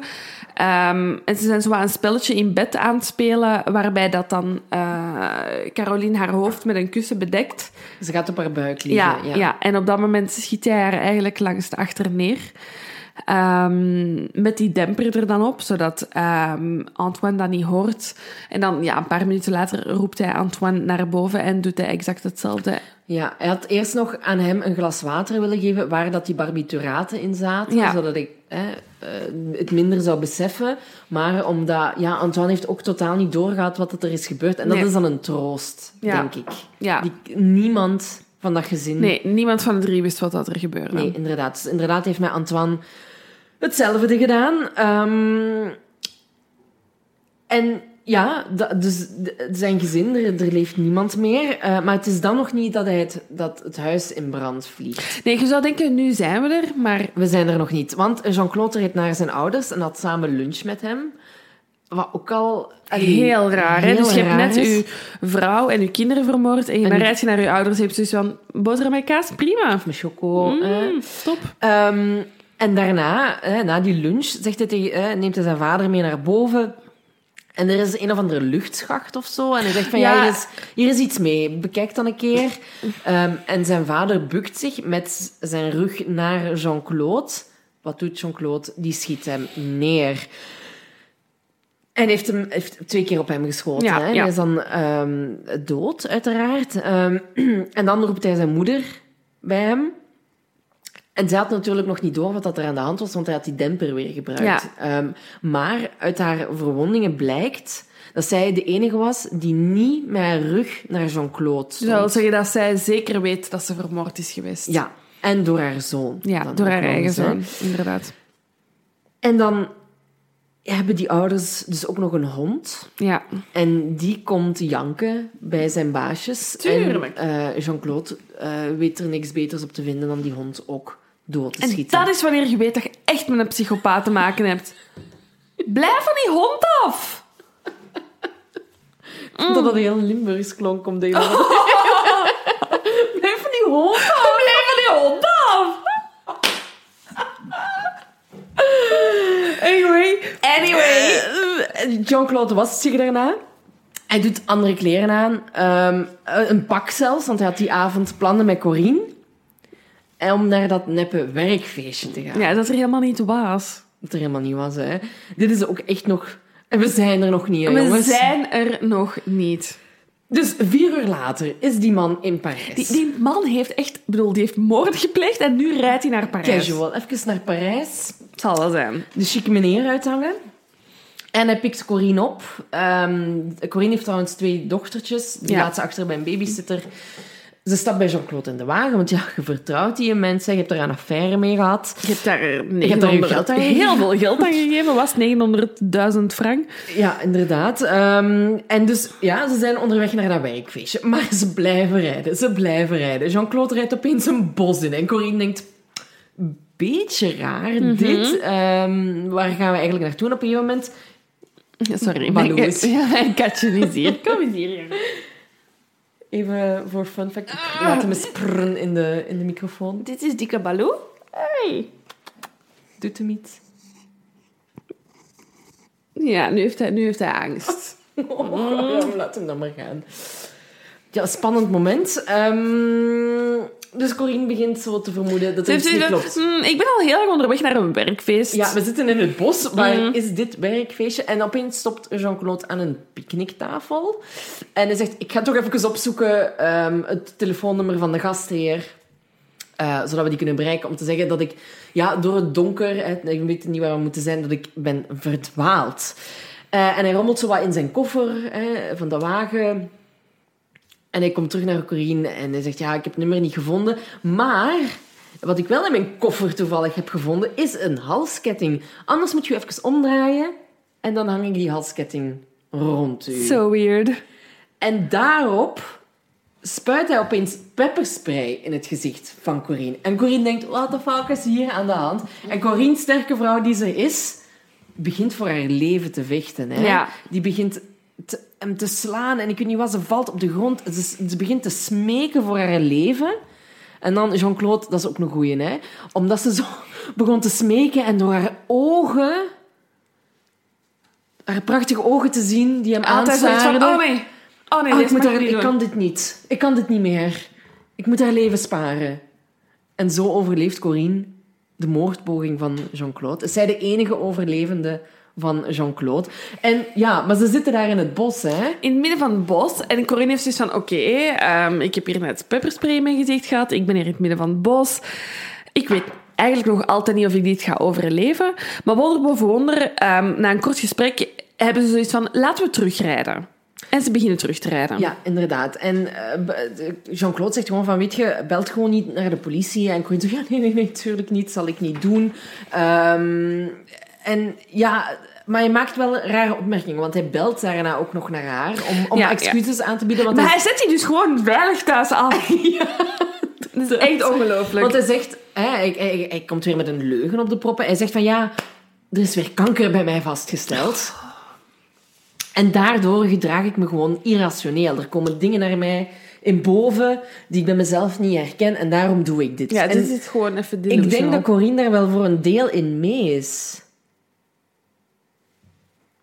Denk je niet? Ik weet het niet. Ik, gelooft het- ze dat? Maar ze heeft ook niet de politie gebeld. Dat heeft ze niet gedaan. Ze- ze- Nee. hij vraagt haar van dat niet te doen, want hij, heeft, hij is ziek en heeft daardoor dat gedrag vertoond. Oké. Dus ik denk dat ze daarvoor... Ze zal uiteraard heel erg geschrokken zijn geweest. Mhm.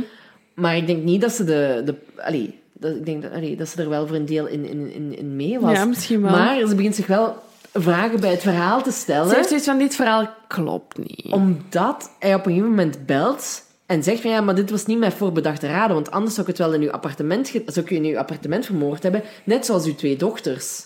En toen dacht Corine, oké, hier is veel meer aan de hand. Ja. Maar ze onderneemt niks. Nee, ze heeft zoiets van, ik ben veilig, ik laat het zo. Ik ben thuis bij mijn dochters. En Jean-Claude gaat dan maar weer naar huis. Hij gaat naar huis. En Jean- eh, Corine heeft uiteraard haar geld ook niet gezien, hè? Nee, tuurlijk niet. Sorry, ik ga even naar het toilet. Ik moet zo dringend pipi doen. Oké, wij wachten. Ja. Ja, sorry jongens. Oh, Hanneke is echt niet normaal.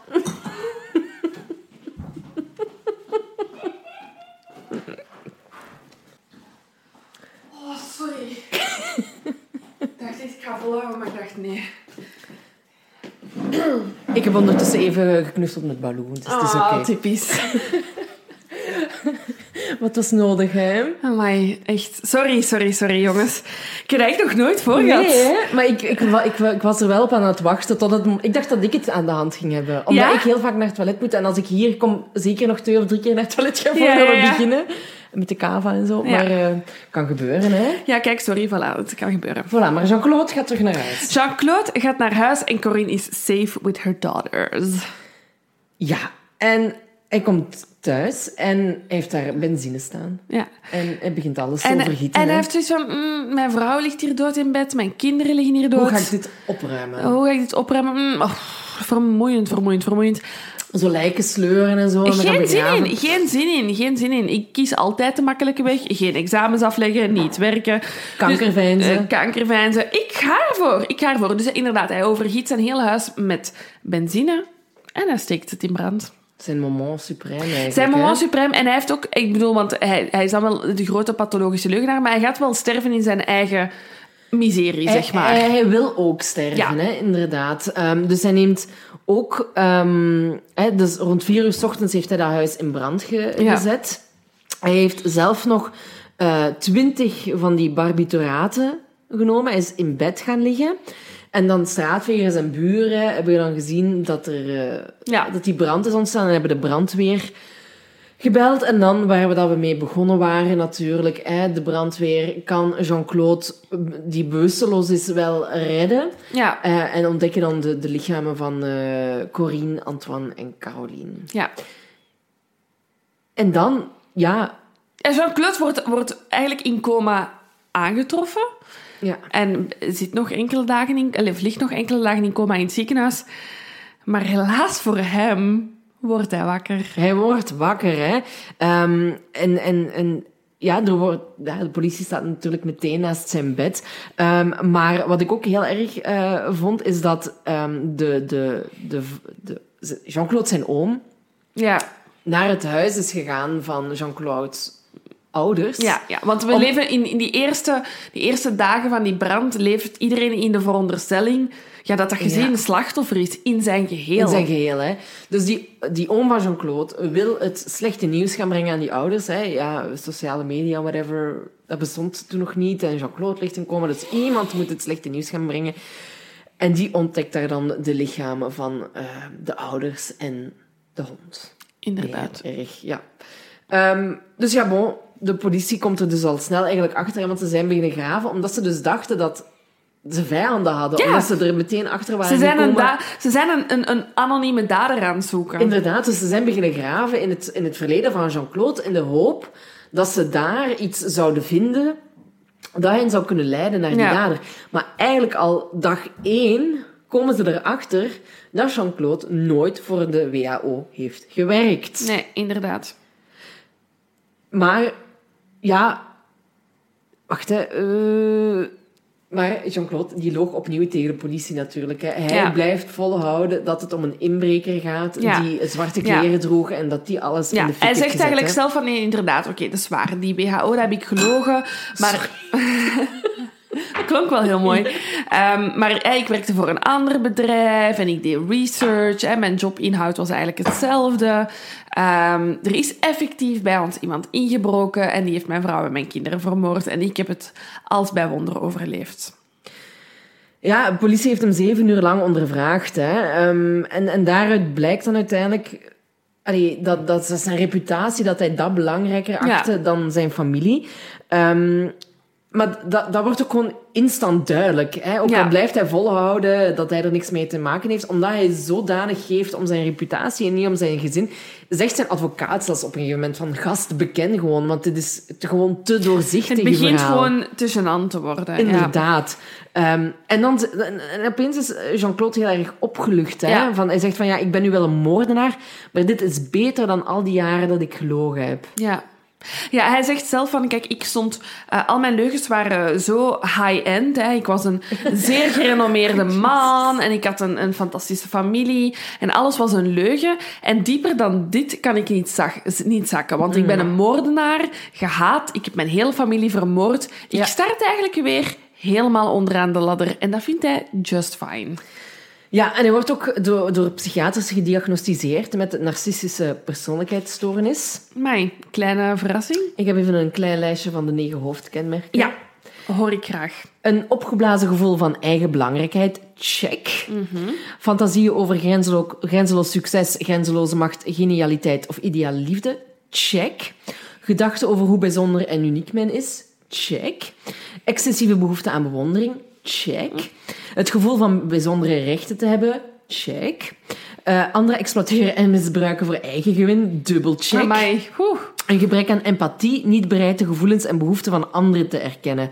Deels check, vind ik. Want ik Ja. denk dat hij wel echt gehouden heeft van eh, Florence en Ja, zijn vooral kinderen. ook omdat, omdat liefde in zijn leven wel heel belangrijk is geweest. Ja. Als je ziet in zijn jeugd hoe hij naar zijn vader opkeek, zijn moeder belangrijk vond en dan inderdaad. Florence leert kennen, haar heel belangrijk vindt. Corinne hetzelfde. Hè. Hij wou heel graag haar liefde hebben. Ik denk dat hij wel op zoek ging naar liefde en bevestiging en ook de, dat erkende als gevoel. Mhm. Ja, absoluut. Dat denk ik wel. Ja. En dan de achtste is afgunstig op anderen of ervan overtuigd dat anderen afgunstig zijn. Moeilijk. Moeilijk te bepalen uit wat dat we Ik denk nu... echt dat hij in zijn eigen bubbel zat. Inderdaad. En dan tot slot arrogant of hooghartig in houding of gedrag. Naar zijn eigen familie niet echt, hè, omdat hij, ja, hij wou gewoon niet te veel braggen over zijn werk, omdat hij er toekoer niet werkte. Niet was, nee. Maar als je ziet in zijn gesprekken naar Corinne, was hij wel aan het opscheppen over Ja. zijn job. En wat, wat vond hij dat aanzien wel belangrijk. En dan had hij wel zoiets van, ja, ik ben wel een dokter. Ja, Dus half half check. check. Maar bon, ik Dus denk dat er genoeg heel checks veel, waren. Ja, veel checks, hè. Maar dan op een gegeven moment, ehm, hij zit in de gevangenis ehm, te wachten op eh, zijn rechtszaak en zo. Mhm. Ehm, en opeens zet Jean-Claude een heel ander masker op. Ja. Niet meer die van de wetenschapper, maar die van de gelovige. Ineens heeft hij het licht gezien. Maar echt het licht Maar gezien. hè. echt het licht gezien. Hij wordt heel streng gelovig, heel zwaar gelovig. Ehm, en dit is ook weer iets heel kenmerkend voor iemand ehm, die, die, die fouten maakt. Ehm, en die, denk ik, heel moeilijk zich kan vereenzelvigen met de fouten die hij heeft gemaakt. Hè. Het is heel moeilijk om, om die schuld de hele tijd te dragen. Dus hij heeft zoiets van... ik ga geloof, gelovig worden, want dan kan God mij vergeven. En dan Ja. heb ik mezelf tenminste niet vergeven, maar iemand heeft mij vergeven, namelijk de belangrijkste persoon voor gelovigen op aarde en in de Ja. hemel. Dus ik ben safe. Het is blijkbaar iets dat heel vaak terugkomt ehm, bij mensen die, voor een, die een zeer lange gevangenisstraf krijgen. Namelijk die, die bekeren zich hè, of die worden gelovig in de gevangenis. Omdat die een soort van vergeving zoeken. Hè, iets, dat is een onderwerp dat heel frequent terug- Ja, ja, ja, terugkomt ja, in het ja. geloof. En die hebben zoiets van, ja, ik wil vergeven worden. En als God mij kan vergeven, het is een beetje, eigenlijk een beetje van je schuld aflossen. Maar ook makkelijk, hè? Maar heel makkelijk. Heel makkelijk. En No offense. nee, nee, no Echt offense, waar, hè? God en, en, en, en geloof, ik kan het begrijpen, maar ik vind het heel makkelijk om u in de gevangenis te bekeren. Absoluut, het ja. geloof. Ik denk dat we daar inderdaad hetzelfde over denken. Ehm, maar dat van die religiositeit komt een eerste keer heel erg tot uiting tijdens de reconstructie Ja. van de feiten. Hè. Ehm, dat zijn dan eh, in 1994 ondertussen trouwens, is een jaar na de feiten. En Florence en de kinderen hadden blijkbaar een of andere eh, boodschap achtergelaten op het antwoordapparaat maanden voor eh, de, de, de moorden en zo. Ehm, ik weet eigenlijk niet waarom ze dat op dat moment hebben laten horen, maar ze laten het horen. En daarin zegt eh, Florence: hey, wij zijn het, we zijn veilig aangekomen, wees voorzichtig op de weg, we houden van je. En ja, dat kan natuurlijk op een paar manieren geïnterpreteerd worden. Ja. En Jean-Claude doet dat uiteraard op een zeer spirituele manier, Ja, ja, ja. een spirituele interpretatie. Hij, eh, hij interpreteert dat als dat zijn gezin wacht op hem in de hemel, Ja. dat ze hem vergeven, dat ze nog steeds van hem houden. Ehm, maar hij- omdat hij die religiositeit ook had gevonden, gaf hij aan van ja, ik, ik wil niet meer uit het leven stappen, ik ga gewoon mijn tijd uitdoen. Ja, omdat al Maar- zijn leugens aan de oppervlakte Maar zijn voor, voor velen is die religie ook gewoon een façade. Hè? Jean- Jean-Claude is nooit zichzelf geweest. Hij is, hè, vanaf dat hij ging studeren, en misschien daar- daarvoor zelfs ook al, dat weten we niet, heeft altijd het masker opgezet dat op dat moment het beste voor hem uitkwam. Voor hem paste, ja, dat is waar. En dan is er de rechtszaak in 1996. Ehm, en iedereen weet... De, de vraag of dat hij schuldig is of niet, was... Ja, dus was staat de kwestie niet. ja. was ja. de kwestie niet. Maar wel zijn mentale toestand. ja. Ehm, de jury heeft uiteindelijk vijf uur samengezeten. Ja, ja, dus ze- het is ook een soort van volksjury hè, dat Ja. samen zit. Ja. Inderdaad. Ehm, en ze hebben Jean-Claude uiteindelijk veroordeeld tot een levenslange gevangenisstraf. Ja. Ehm, en hij zou pas kans maken op een vervroegde vrijlating na 22 jaar. Dus ik denk, aangezien deze straf, blijkt dat ze hem wel ehm toerekeningsvatbaar, Ja, als ik dat de juiste term daarnet voor heb gebruikt, hebben verklaard. Ja. Dus dat hij wel bij zinnen was. ja, sorry, je moet het wel allemaal op een rijtje hebben om dit te verzinnen, hè? Ja, en je moet het ook maar allemaal kunnen bijhouden. Ja! Je moet toch onthouden welke leugens je tegen wie hebt verteld. Ja, het is niet omdat je een pathologische leugenaar bent of, of een narcist, dat je daarom niet in de gevangenis... Ik denk niet dat dat een kenmerk is. Nee. ben ik, maar Nee. dat, dat denk ik. Nee, nee, nee, ik denk dat je juist zeer bij de pinken moet Ja. zijn om een pathologische leugenaar te zijn. Inderdaad. Ehm, dus ja, het verbaast me niet. Ehm, helaas is, heeft hij ehm, wel een vervroegde vrijlating gekregen. Ja, hij heeft een eerste aangevraagd in 2015. Ja. Eh, is niet toegelaten, maar vorig jaar, april, april 2019, is die man vrijgelaten. Ja. En hij is dan vanwege zijn geloof verhuisd naar een klooster. We kennen er nog die naar een klooster zijn verhuisd. Ze zitten daar allemaal samen. Ehm, want volgens... En dan hè, hebben we hebben net Mark de Troe zijn psychiatrisch rapport eh, besproken. En nu blijkt uit het psychiatrisch rapport van Jean-Claude dat hij geen gevaar meer vormt voor de samenleving. Ik Eh, kan, misschien, hij, hij is gewoon te oud om nog leugens te verzinnen. ik kan, ik kan me daar ergens wel in, in, in volgen, want iedereen kent zijn geschiedenis. En ik denk ook dat hij nog steeds wel opgevolgd wordt, want hij zit ook in dat klooster. En dat hij daar niet per se... Hij heeft al die leugens van zich afgelaten. Ja, ik denk ook gewoon, ja, het is gewoon een, een, een, een leugen en dat wordt dan een cluster van leugens Ja. en een grotere bubbel en die is doorprikt. Dus- Inderdaad. Dus, hij En ik- start wel weer van nul. En hij heeft ook geen reputatie meer om nu hoog te houden. Want iedereen weet, zoals hij zelf zegt, ik ben nu een moordenaar. En dat vindt hij minder erg dan al die leugens die hij al Ja. die jaren verzameld heeft. Dus ik denk ook niet dat hij... Maar ja, dat hij, dat hij misschien weer hetzelfde pad opgaat, omdat hem nu gewoon vastzit in dat klooster. Tenzij dat hij paus wil worden en... Stel je voor. Stel je voor. Dat hij daardoor... Paus eh, Jean-Claude de Eerste. Jean-Claude de eerste. dus ik, ik, ik, ik kan me daar wel ergens in volgen. En ik, ja, dat is ook... ehm, hij heeft ook recht om vrijgelaten te worden. Hè? Hij heeft 22 jaar in de gevangenis gezeten uiteindelijk. En hij wordt opgevolgd. Hij zit in zijn klooster. Ik denk dat hij daar goed zit. Het enige wat ik spijtig hieraan vind, is dat hij zich schuilt achter die... Allee, verbergt achter die religie. Ja, die En religie- geen schuld inzicht Ja. ergens. Allee, dat mis ik toch wel ergens. Hij zegt wel dat hij van zijn kinderen en, en Florence heeft gehouden. Maar dat, ja... Ik vind het niet oprecht. Nee. Het is alles behalve oprecht. En dan maakt dat voor mij zijn vrijlating een beetje zuur. Ja. is. Ja, hij heeft zijn straf uitgezeten, dus daar valt eigenlijk gewoon weinig over te zeggen. Ehm, ik denk wel dat deze persoon opnieuw hetzelfde kan doen.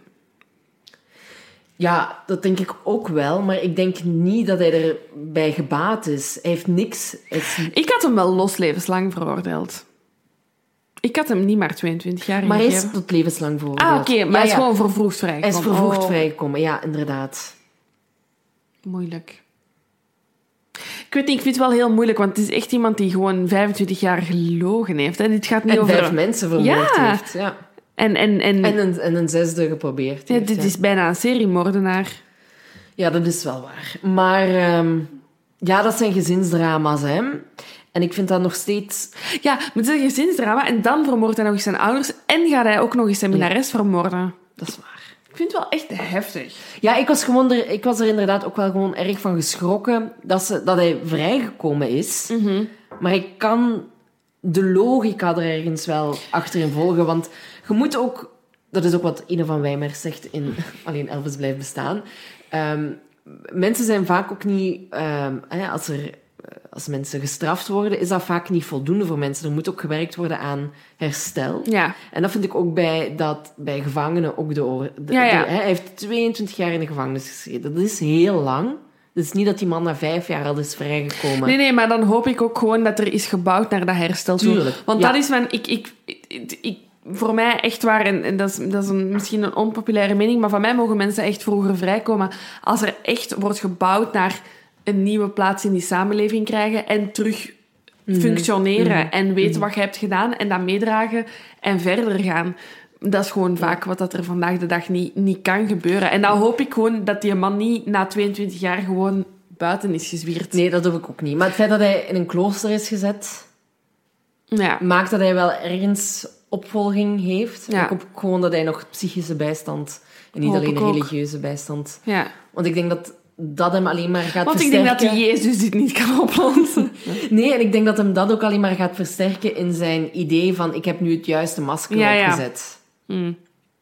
Maar bon, ik vond het een eh, heel interessante zaak. was- Wat vond jij? Ik vond het heel leuk. Ja, ik goed, vond hè? het een heel interessante zaak. Ja, ik ben heel blij dat ik er Tim. niks van wist. Ja ik, ja, ik wist het dus inderdaad wel. Maar alsnog, ik wist geen details. En mijn mond is meerdere keren opgevallen. Ik heb meerdere keren met mijn ogen gerold. Maar ook gewoon research. zo lang liegen. Ja, dat houdt je toch niet voor mogelijk, hè? Kun je echt niet voorstellen. Echt een pathologische leugenaar. Echt. Ja, en ook gewoon zo stom door dat examen, hè. Gast. Ja, dat is echt gewoon... Dit is echt zoiets... dit, van, dit is iets heel raar dat ik nu ga zeggen, maar een van mijn eh, favoriete series... ehm, of, of concepten van, van, van Mhm. fictie, waar ik graag naar kijk, is zo iemand heel goed die één domme fout maakt en dat, dat de, bla- de Ja, bal ja. blijft rollen. Dat is wat dat er hier gebeurt. Hè. Dus één iemand die een stomme beslissing maakt om dat examen niet te gaan doen en dat wordt gewoon erger en erger en erger en erger. En En gewoon denken dat het allemaal wel zal blijven lukken. In plaats van gewoon... Ik heb dat soms ook, dat ik denk van... Oh, ik kan het tegen niemand zeggen of niemand mag dit weten. Maar als je dan... Ja, de waarheid duurt het langst. dat is eerlijkheid duurt het langst. Dat is het, ja, inderdaad. Dus ja, ik vind het gewoon Het is- sneu. Ik vind het sneu Ja. dat Jean-Claude het zo Ik ver denk, heeft moest hij, komen. moest hij een ander levenspad hebben gekozen, dat dit een totaal andere man was geweest. Dan had hij prijzen gewonnen. Dan had hij prijzen Dan had gewonnen. hij prijzen gewonnen. Goed, we moeten afronden, want anders ga ik, ga ik niet meer op tijd thuis gaan Nee, ja, er, is, er is een avondklok en daar moeten wij ook rekening mee houden. Super spettig dat dit niet onze eerste live was. Nee, nee, nee, maar die komen wel. We houden jullie op de hoogte, want we hebben ook nog vragen gekregen of die van Kortrijk doorgaan en zo. Voorlopig wel, maar van zodra dat wij iets meer weten of, of een mail krijgen van, van de organisatie daar, dan laten we het jullie natuurlijk ook weten. Eh, we houden jullie op de hoogte van alles. stay safe en Ja, hou je aan de regels, please. Alsjeblieft. Bye! Doei!